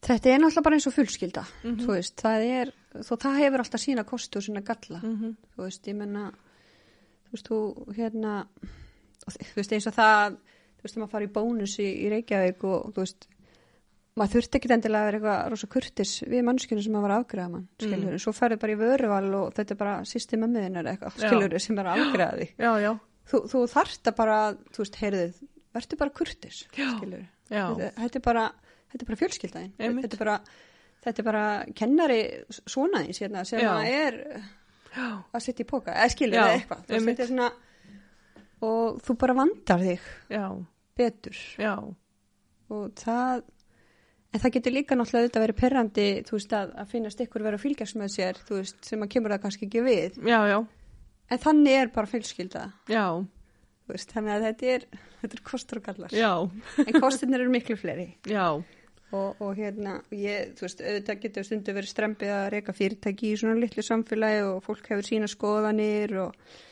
og kannski fólk hefur ekki verið í rekstri mhm, hefur gaggrínt, þú veist, opnunatíma og annað en, en ég get ekki reyki fyrirtæki eða við, þú veist, eftir því þú veist, hvað fólki finnst nei, nei, ég verð að reyka eins og ég tel best að gera til þess að fyrirtæki lifi af já, og hérna og það þýðir það bara að, þú veist, eins og staðan er núna að þá þarf maður kannski að hafa lokað um meðan daginn eða mm -hmm. loka ákveðna dag í viku og fólk verður svolítið aðeins að reyna stundum að setja sig í þessi spór já, já, þú veist, maður er ekkert að leika sér að þessu að Nei, maður nei. nenni ekki að mæti vinnuna þú veist, alls, þetta er bara, þú veist, þú ert bara að reyka fyrirtæki Já. og það þarf að ganga svona upp til þess að við höfum sem sagt, pening til þess að borga fólki laun og borga hráöfni og skilur, Mhm. mm þetta, er bara, þetta er bara rekstur já, já, og algjörlega, hérna og minnst að stundum vanta líka þú veist eins og með herjólf og, og svona bara, þú veist, ég viljum bara að fá herjólf allan sólaningin, þú veist, já, já, það Mhm. Mhm. er alveg ekki hugmynd, en ríkið er ekki að borga það, þú veist, og, þú veist margi vilja segja herri, þú veist, þetta sé þjóðvegur og allt það það er alveg fallið hugsun og ég vildi óska það væri Mhm. en við erum bara ekki alveg á þeim stað núna Mhm. og hérna við erum að reyka skipi sjálf til þess að fá betri þjónustu og þetta er rekstur þú veist. Og það, það, það þýðir það að, þú veist, ef að gengur illa Mhm. þá erum við að tapa Einmitt. og getum mist þetta frá okkur og bærin er að borga fullt af peningum, skilur þú Já, veist, já. fó, fó, maður verður að hugsa í, sem fyrirtækjarekstur Já. þannig að hérna þú veist, vanta oft þetta svona kannski meiri skilning Mm. en það er kannski líka bara fólk sem hefur ekki verið í rekstri og þá verð ég bara að sína því skilning tilbaka Já, já. En hérna, hvað finnst þér einkenna fólk frá eigum eða sem býr í eigum? um, sigla, Mm? dugnaður uh, svona baráttuhugur og svona að standa saman mm Mhm. það sé alveg það sem að við getum sagt að við séum þekkt fyrir og ég líka, eins og ég segi þú veist, ef að við gerum eitthvað, eitthvað viðburði og svona, þá gerum við það bara vel og með trompi, Mm -hmm. förum pínu fram úr okkur en þú veist, það er bara skemmtilegt Já. við erum svolítið svona ekstra útgáfa af Íslendingi skilur, Já. Íslendingar eru svona svolítið fram úr sér svona duglegir og, og svona hérna, já og við erum svolítið svona ekstra útgáfan af því, finnst mér Já. Erum við sérst stórasta eiga í heimi? Já, mér finnst það geggja Já. ég elska fólk sem fer fram úr sér mér Já. finnst bara, þú veist, hana miklu skemmtilega heldur en að sitja hjá eða vera og varkar sko Já. þú veist bara hlutir eins og setja, þú veist, kertin upp á heimaklett, skiluru, ykkur fellur frá, ykkur svona hugmyndir og vittlesinsgangur sem að oft ska, er bannaður en þú veist, kannski stundum hort framhjá, þú veist, að því að þetta er gert í góðu eða Já. eitthvað, ég fíla það í, bæ- í ræmur Já. og þú veist, þjóðatíðin er náttúrulega bara eitt svoleiðis risa dæmi Mhm. um það, þrettándin og hérna já, og ég meina góðslokaháttíðin, þú veist, e- þetta er bara allt svona sem að lýsir okkur finnst mér vel Já. þú veist, fótboltamótin og, og hérna og maður, þú veist, þetta er náttúrulega það sem að gera manna stolt um eigamanni, þú Já. veist, það er þú veist, þetta, það láta bara hendur stranda fram úr ermum Mm og auðvitað auðvitað hefur maður pína áhugjur af svona þessu sjálfbóðstarfi hvort að það sé eitthvað aðeins að deyja það er ekkert bara hér heldur all- alls mhm. Já, já. staðar Bara alls þar. fólk hefur minni tíma það er meiri dasgra og eitthvað svona Já. en vonandi ná við að halda sjálfbóðulegunum og það er bara rosalega mikilvægt að, að, að þeir sem leggja sér fram fái þakkir fyrir það Já. það má ekki, þú veist, taka uh, sjálfbóðulegum sem sjálfsögum hlut Mm þá er voðin vís Einmitt. Þannig að- Algjörlega. En hérna að allt öru. Hvenær byrjar að vinna og hvar? Sko, ég byrjaði örugglega að vinna með pappa. Hann var náttúrulega umbóðsmáðu kók og var með sitt eigi fyrirtæki í svona flutningum Já. og sem bara, þú veist, smástelpa elskaði að fara með honum og bera ykkur á kókassa og þykjast er ykkur svona töfari með honum í, í Já. stóra bílnum, sko. Já, og kókból. Já, og hérna, það var náttúrulega aðal gæinn, þú veist, á þessum tíma kók var náttúrulega risa stórt og hérna, Já. þú veist, þetta var svolítið svona, var alltaf til kók og, og hérna, snakk heimi á mér Já. og svolítið, en hérna, svo fór ég ná, held ég, í humar, örgla 13 eða 14 eða eitthvað svolítið, hjá hann af ása hérna, þingmanni Já. og þann örgla yfir í Ísfjölaðið og svo var ég nú að vinna í á Bjössabar líka Já. í til að húsinu sem ég er í í dag Einmitt. þannig að þá byrja maður að kynast hérna veitingarekstrunum aðeins og já fór að vinna á kaffi Reykjavík þegar við fluttum til Reykjavíkur þannig að Já. þegar ég var í FB þá var nú opið sko, það var, það var sko opið til fjögur á nóttinni og það mátti reykja inni Já. og hryllingur sko Einmitt. og staður er svo stóra maður var bara búin að þramma marga marga kilometra Já. og kom alveg heim alveg út úr reyktur og Einmitt. Dáin í löpunum. dáinlöfum Nei, maður var svo ungu það, það Já. var ekkert mál og hérna, maður hugsa nú oft um þetta sko, þegar maður er að fá til sín nýtt starfsfólk og svona, sem er Já. alveg orðin búin eftir korter sko, Já, maður er svona alveg Það er hérna, já, maður var eins og gamla fólki "Á, það var nátt að sjá mig þegar ég var að hey, ég var á þínum aldrei. Já. Nei, ég er nú látið það vera Ég er ekkert að segja þeim á því Nei. en finnst þér eitthvað ábútavant í eigum? Mm, það er nú kannski bara þessu, við nefndum náttúrulega Já, áðan, bara betri, með- svona heilbreyðstjónustan og, Já. og, og hérna auðvitað flugið og þú veist, Mm. en samgöngunar hafa nú verið að batna mikið og, Já. og það er mjög, mist margt gott búið að vera að gera og, og þú veist, þannig að hérna, ég er bara bjart sín, þú veist, Já. þetta, við verum bara auðvitað að halda fram að berjast fyrir þessum hlutum Já, já. en svo, þú veist, er náttúrulega bara búið að COVID og það er alls konar Einmitt. hlutir sem að koma inn í þetta Hindranir og, já, og ég nenni ekki alveg að dvelja í þessu Nei, að velta fyrir mér hvað, þú veist ef það er eitthvað sem að mig langar, eitthvað sem ég get gert þá reynir ég að gera það, þú veist, Já. eins og með þessu miðbæðafélagi eða eða Einmitt. með ferðarþjónustuna eða, hérna, en ég er ekkit endalust að, að láta hlutina pyrra mig sem að uh, mætti vera betri, Já, ég held þá að reynir þau bara að gera eitthvað í þeim. já, Mér finnst það magnað. já, Og já bara takk fyrir það. Já, já, ég bara, já, ég finnst það eitthvað neginn. Ef maður getur gert eitthvað gagn, Já. þá reynir maður það. En hver er uppáhald staðuðin í eigum? Uppáld staður minn? Já, bara á eigunni. Já, eigunum. Já. Góð spurning. Mm Ég vildi ekki geti satt heimaklutur, ég hef bara aldrei þórað hann upp, sko. Já, hann má alveg samt vera uppáhald staðurum hann, sko. Já, ok. Það er eina, reyndar eina fjallið sem ég á eftir að fara upp á, þannig að ég er alltaf í náttúrulega svo loftrætt, þannig að ég fyrir bara með þyrlu. Já, það Förum saman með gilla. er þetta ekki eitthvað sem kemur með aldrei en þessi Jú, ég loftræðsla. held að. Hérna, fór hann sinni upp á Dalfjall líka og ég bara dónast því við að koma mig niður. Það er Já. alltilega- Alltilega að fara upp en, en hérna, mér finnst rosa gott að fara út á skans, Mhm. fyrir mjög oft þangað og svona einhvern veginn að bara horfa heima glett og taka orkuna þar. Já, já. Þú veist, ég hérna, mér finnst það til þess bara fóréttindi, bara að geta lappa þangað Mhm. og aftur heim áður en ég fyrir vinnu. Já. Eða, þú veist, Já, að bara, hérna bara, já, fimm minútur skilur eða tíu minútur sækja þessa orku aftur tilbaka. já, Og það, það er eitt af þessum stóru punktum sem að, þú veist, maður ákvæða að flytja aftur heim, þú veist, maður, maður græðir svo ótrúlega mikið á svo stuttum tíma. já, Þú veist, maður nýtir daginn svo vel einmitt. og hérna geta hoppað í pönnugökur til tengdamömmu og sem býr í sömu götu og, Já, þú veist, eða kíkt á mömmu og, og pappa og pappi Mm. kemur vinir og gott alveg þrísar á dag sko og hérna, þú veist, það er bara Já. þessi samvera með þeim sko einmitt. þannig ég held að það sé líka rosalega verðmætt Já, svo ef maður þarf að komast eitthvað af eiginni þá bara gerir maður Já, það þú veist, já. til að aðeins að hérna sjá eitthvað nýtt og já, upplega já, einmitt. En hérna, ertu með einhverja ráleikinga fyrir þá sem hafa áhuga á að vinna við það sem út að vinna við? Hvað er best að byrja á þessu þar? ég veit ekki að bransanum Já, eða bara öllu.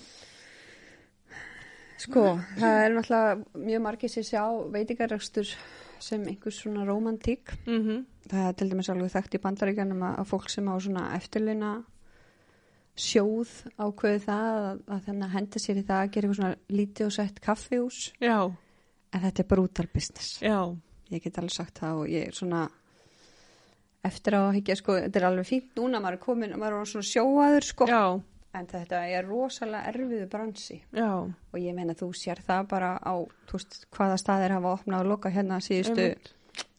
10-15 ár Já, já, að þetta er ekki auðvelt Æ.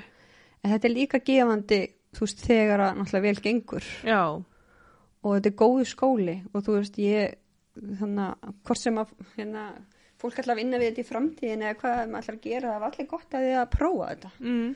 hvort sem það er að vinna se- í þjónustu eða eldhúsi eða, eða hvað sem er því þetta er mikill svona þroskandi heimur Mm. bara samskipti við fólk og, og hérna þú veist, sumir kúla geta verið dónulegir og, og aðrir indislegir og flestir eru indislegir skilur Já, já. en þú lendir í alls konar Mhm. og upplifir alls konar samskipti og, og hérna og þú lærir alveg helling á þeim já, og ég hef, þú veist, haft það og við bara, þú veist, með börnin okkar til dæmis, Já. þau vinna öll hjá okkur á einhverjum tímabúndi, já, bara til að fá þessa reynslu já, og hérna, og segjum að minni til dæmis mjög góðu kokkur já, og hann er nú hann 21 í dag en, og hann er að læra, hérna, hann er í háskóla Reykjavíkur í hugbúnaverkfræði já, en hann elda bara góða mat á kvöldin, skilur já, já, Veist, ég, ætla, hérna, ég myndi ekkert mæla með því að hann færi í þessa sömu braut Nei, nei. að því að þetta er svo mikil vinna og já, svo mikil fjárvera og þú veist, þú ert alltaf að vinna kvöld og helgar og sumar þú Mhm. veist, fríónum og öllu þessum tímum þú veist, að hérna það, það er gott að hafa þetta í bakbókanum já, en, en ég myndi svona alltaf að hvetja bönni mín til að velja sér einhverja aðra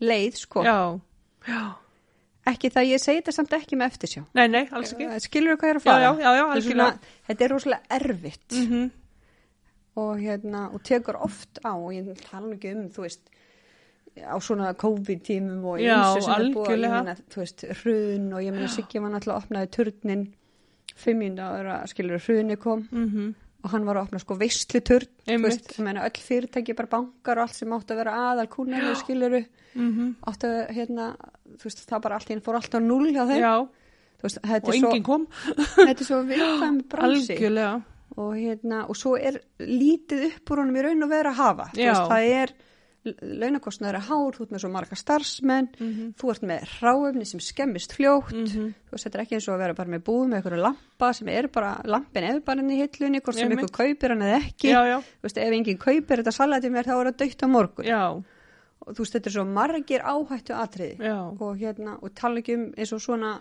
eigu þar sem að þú ert með rosalega tím, eh, st- svona skipt tímabil mhm, með mjög gott sumar já, svo þarftu bara að setja í handburs og gýr já, þú veist, og bara losaði við helmingina starfsfólkinu, Mhm. þú veist, og þú þarft að vera búin að skipulega geta rosalega vel til Já. þess að þetta fari vel einmitt, og þú þurft að leggja gríðalega vinnu og ég meina, þú veist, þess að Siggi þú veist, hann er tvisa búin að missa örugglega 10-15 kíló í svona ákveðnum svona rispum sem hefur Já. þurft að taka og oft bara ekki fengið starfsfólk og, já, og mikið gengið á og til þess að, þú veist, hlutinni fari ekki úr já, böndunum einmitt, og hérna og og svo kemur sér vel að, þú veist, hann er náttúrulega mjög handlægin og því, þetta er stórt fyrirtæki þannig að þú veist, þú ert með alls konar tæki og þú þarft að geta gert við og þú Já. skiluru, ef Já, þú já. ætlar að kaupa alla þjónustu, þá Já.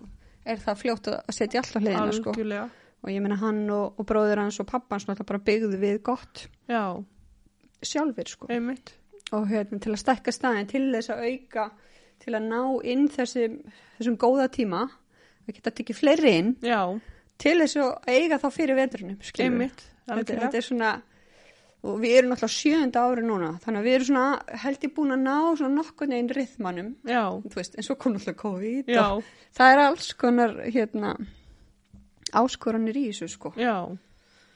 Það, ég var spurð svolítið í- um þjóðtíðina, hvernig hérna, e, hvort að fyrirtækin hefði verið búin að kaupa inn allt ráefni, Mhm. af því nú að þjóðtíðin bara að fresta þarna bara viku fyrir. já, við vorum búin að kaupa Hvernig fóruð Mm. þið út úr því?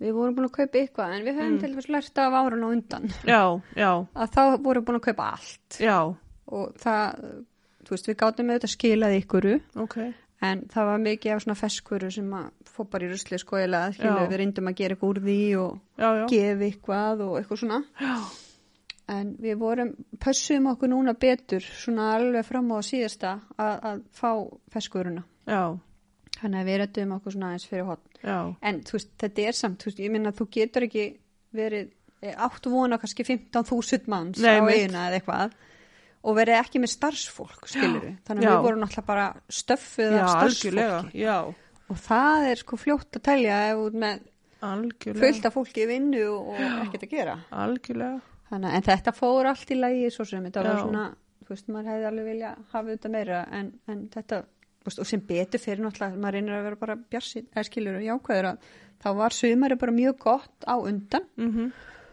og það er náttúrulega bara, vil ég segja, hérna, hann að markasátæki ferðamála samtökana að þakka að, að þrátt fyrir, þú veist, ömurlega vetra, sem sem svona veður tíð þá var þetta gott sumar já, hvað var það ferðamenn einmitt, og, hérna, og það bara bjargar okkur já, í raun og veru, því að þjóðatíðin er náttúrulega rosalega stór hluti af okkar tekjum fyrir hérna að því að við reynum að vera opinn um veturum líka við Einmitt. viljum vera hérna fyrir fólkið já, já, okkar á vetunar þó að það svona businesslega sé er ekkit endilega sniðut já, þá erum við að reyna og hérna þá er rosalega mikilvægt að reyna að taka inn allt sem við getum í þessar stóru helgar já. og, og á sömurinn En hvað hérna, eins og með starfsfólkið, er erfitt að fá starfsfólk? mjög erfitt Já, og hérna ég er með góðan kjarna sem að ég er mjög þakklátt fyrir en svo erum við með mikið að, sem sagt við erum mikið verið að fá erlend starfsfólk já, og hérna þá veit maður ofta ekki alveg hvað maður er að fá já, um mitt, og hérna en við erum rosalega ána með starfsfólkið okkar í sumar já, einstaklega heppin og, og bara indislegt fólk og það eru nú tvær sem að byggja nú í kjallaran er búin að vera að búa í kjallaran hjá okkur og Já, eru nú ok. búin að kaupa sér hús hérna já, ok, aðeinslega. þannig að það er bara indislegt Já, en það er bara þannig og þú veist, maður veit að líka í fiskvinnslunum annars þar Íslandingar vilja ekki vinna ákveðin störf mhm, það er bara þannig já, já, og, hérna, og eh, kvöld og helgar eru ekki aðlegandi já, og hérna svo bara já, svo er líka það sem hafi líka stóran hefur líka stóra áhrif á veitingarekstur eins og þetta er núna er að þegar að framhaldsskólanum var breytt í þrjú ár mhm, þá fengum við ekki skólafólk lengur já, ok. Og já, það er svo út af allir því að- Meira að læra á, því að þeir eru bara að drukna Þú veist, Já. ég er búin að eiga tvö núna alltaf, Klara mín var að klára stúdendin og síðan maður náttúrulega kláraði fyrir það eða eitthvað já, að þú veist, ég bara hef aldrei séð fólk læra svona, þú veist, það var bara að vera að skil- mér fannst bara að skila rítgjörum og próf bara annarkað dag, og Já, ég skila ok. vel að þessi krakka geti ekki unni með þessu já, þó þeim, þú veist, og hvaða afleðingar hefur þetta, þú veist, það vantar þess að krakka inn á vinnumarkaðin Mhm. í fyrsta lagi öðru lagi, foreldrar þurfa að vera að punga út pening hægri vinstri, Mhm. það vantar að kaupa skó og það vantar, skilur, eitthvað Já, sem að já. þau annars myndu kannski vilja að kaupa sér sjálf einmitt, og eiga sér eitthvað skemmtana líf, sko, Já. þú veist, fara í bíó eða hvað sem er já, já, þannig að mér finnst þetta mjög slæm þróun já, og þetta hefur gert það að verkum að þú veist, við erum ekki að fá þessu skólakrakka til að taka kannski kvöld og kvöld já, og við verðum þá bara að ráða erlend vinnuafl, skilur, til að koma og þá er maður náttúrulega að hjálpa þeim að finna húsnaði og þú veist, þetta, einmitt, já, já, þetta er bara stór pakki, sko algjörlega, þannig að, hérna, en þetta gengi bara mjög vel já, en þetta er, þú veist, að vera með svona uh, rekstur, þetta er náttúrulega bara uh, rosa fín lína, þú veist, að vera yfirmaður og vera Mhm. vinur starfsmannana einmitt, halda upp í góðum svona aga en líka góðum órar algjörlega, þetta er hérna en við erum orðið ágætt í þessu held ég já, og það er bara gengið vel og, og það er líka bara að vera góð fyrirmynd þú veist, ég menna Siggi fyrir, þú veist, þú gerir allt fyrir Já. uppaski, þrýfur ræsin skilur, þú veist, það er bara, það er ekkert sem við gerum ekki já, og sama með mig, já, þú veist, við erum ekkert þó við eigum þetta, þá erum við ekkert of góð í einhver verk nei, nei, og þar að leiðandi erum við fyrirmyndir fyrir aðra starfsmenn mhm, að við göngum í, í allt sem það er að gera já, algjörlega. og hérna það er eitthvað svona sem að er bara gott að ganga út frá Mm, held ég algjörlega. En hérna, hvað gerir þú til gamans? til gamans ég elska að fara út að borða Mm, það snýst alltaf alltaf um eitthvað mat eða bjóða fólki heim í mat já, og hérna þannig að ég er oft svona að plana eitthvað svoleiðis að við sikki förum í eitthvað, eitthvað út að borða og gera eitthvað en hérna, og svo náttúrulega bara mála þú veist, það er svona eins og ég Mhm. rendi það er svona me time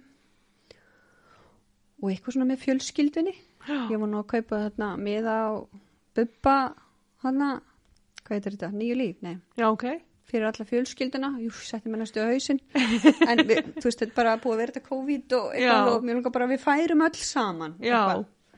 og hérna, já, ég mér finnst mjög gaman að gera eitthvað svo leys já. En ertu prakkari?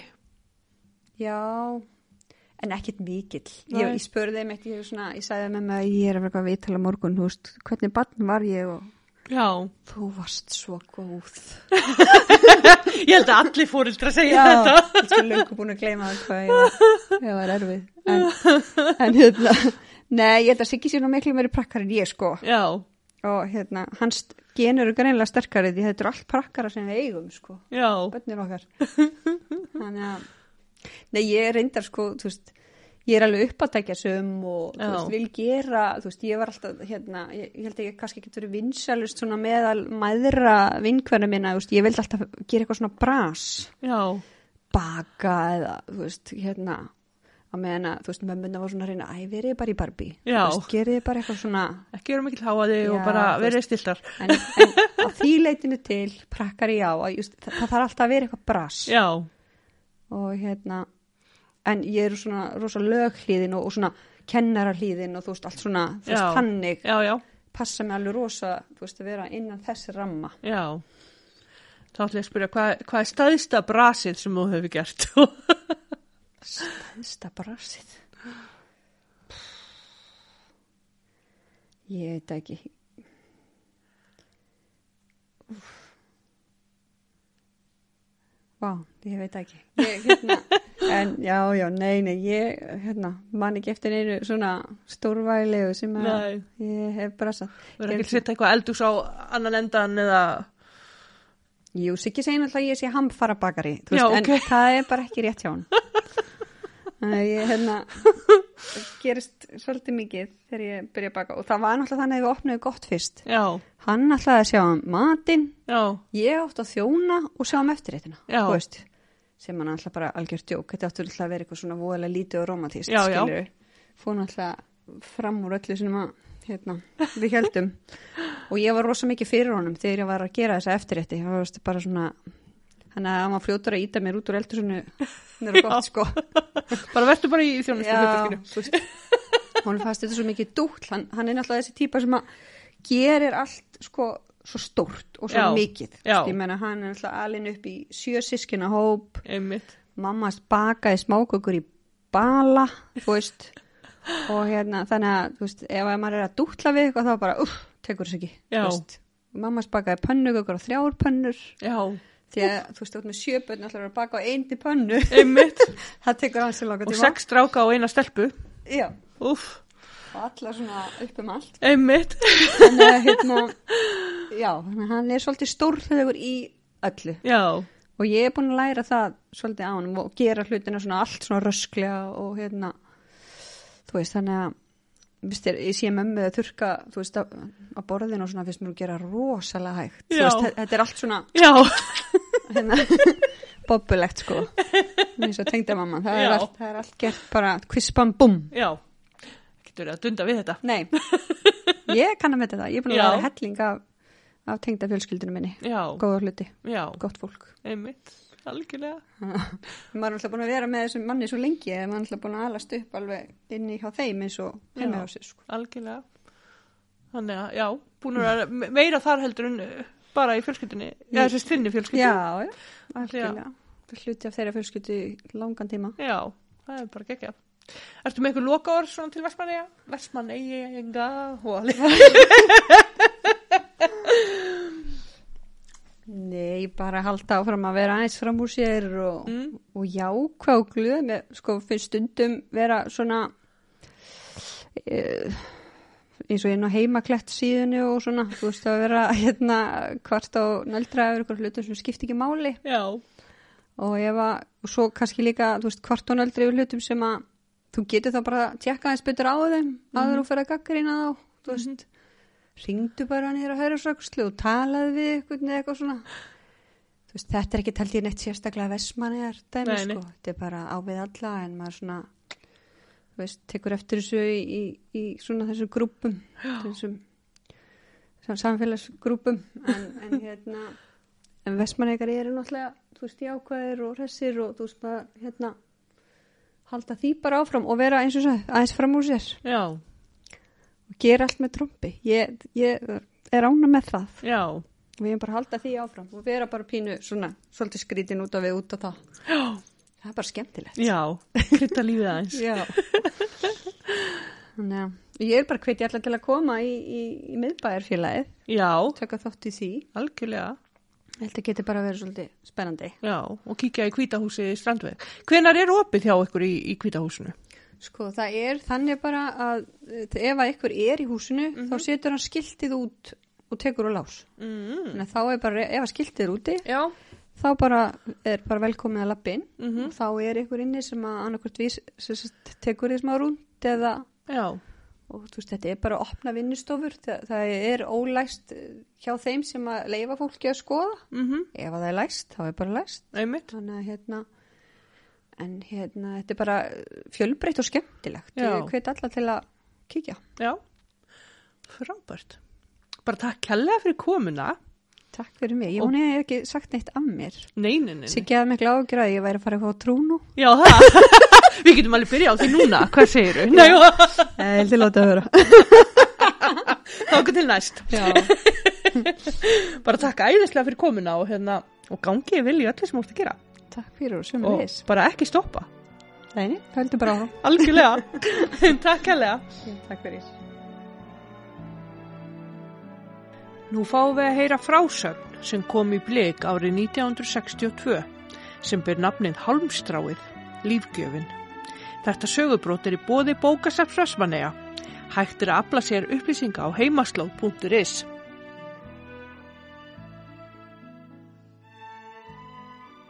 Halmstráið, lífgjöfin. Við vorum báðir innan við fermingu, vinirnir Árni Fimboðsson í Norðugarði Eistra og undirritaður í fóreldrahúsum á prestsetrinu ofanleiti. En milli bæja er vart lengra en steinsnar. Enda voru vinafundir mjög tíðir og um margt spjallað. Um daginn og veginn og svo sjálfsögðum framtíðarhorfurnar. Eitt sinn er við hittumst, komum við okkur saman um að fara niður að sjó, niður á klappir og veiða stórmurta, ufsa ungviði. Á klöppunum fyrir neðan östubúðin á gömlu byrjum við að pilkan eins og við strákanin kölluðum það. Hann var alveg nógur þarna, maður lifandi, stóð bara á að vera nógu fljótur að afgokka og renna á ný og alltaf stækkaði kösin. Þetta var orðin landburður af fallegum fiski, margir vænir voru þarna innanum. Þeir stóru lagsmaður, það held ég nú, ó já. Enda höfðu við þá bestu beitu sem um gat, en það var pressaðu grútur sem við fengum hjá henni gerðu í skél.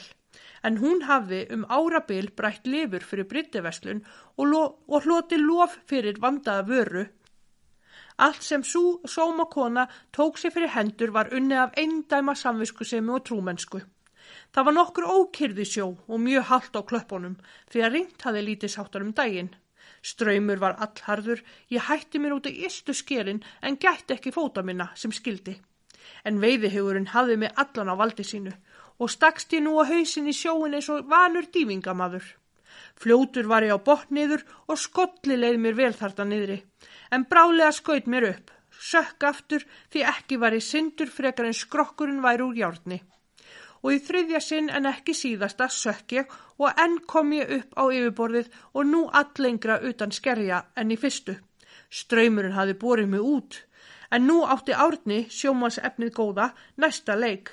Hann kastaði til mín færi sínu sem ég greip öruglega, en færi hans var svera seglgarnið eins og mitt og hjælt vel drættinum, en hann var sá þingsti sem Árni dró þamdægin. Í þá daga var 25 eiringurinn engin smáeirir, en þá upphæð skuldaði Árni mér. Þegar ég var búin að ná mér eftir volkið, snýri ég mér að Árna mjög alvarlegur á svip. Árni minn, þú hefur bjargað lífi mínu. Þú mátt eiga 25 eiringin sem þú skulda mér, en það er síst of mikið fyrir lífgjöfina. En það átti, átti fyrir árna að liggja að verða mjög vaskur sjómaður og giftu drjúu skipstjóri sem bar gæfu til að bjarga frá druknun fleiri mannslifum úr greipum ægis á örlaga stund.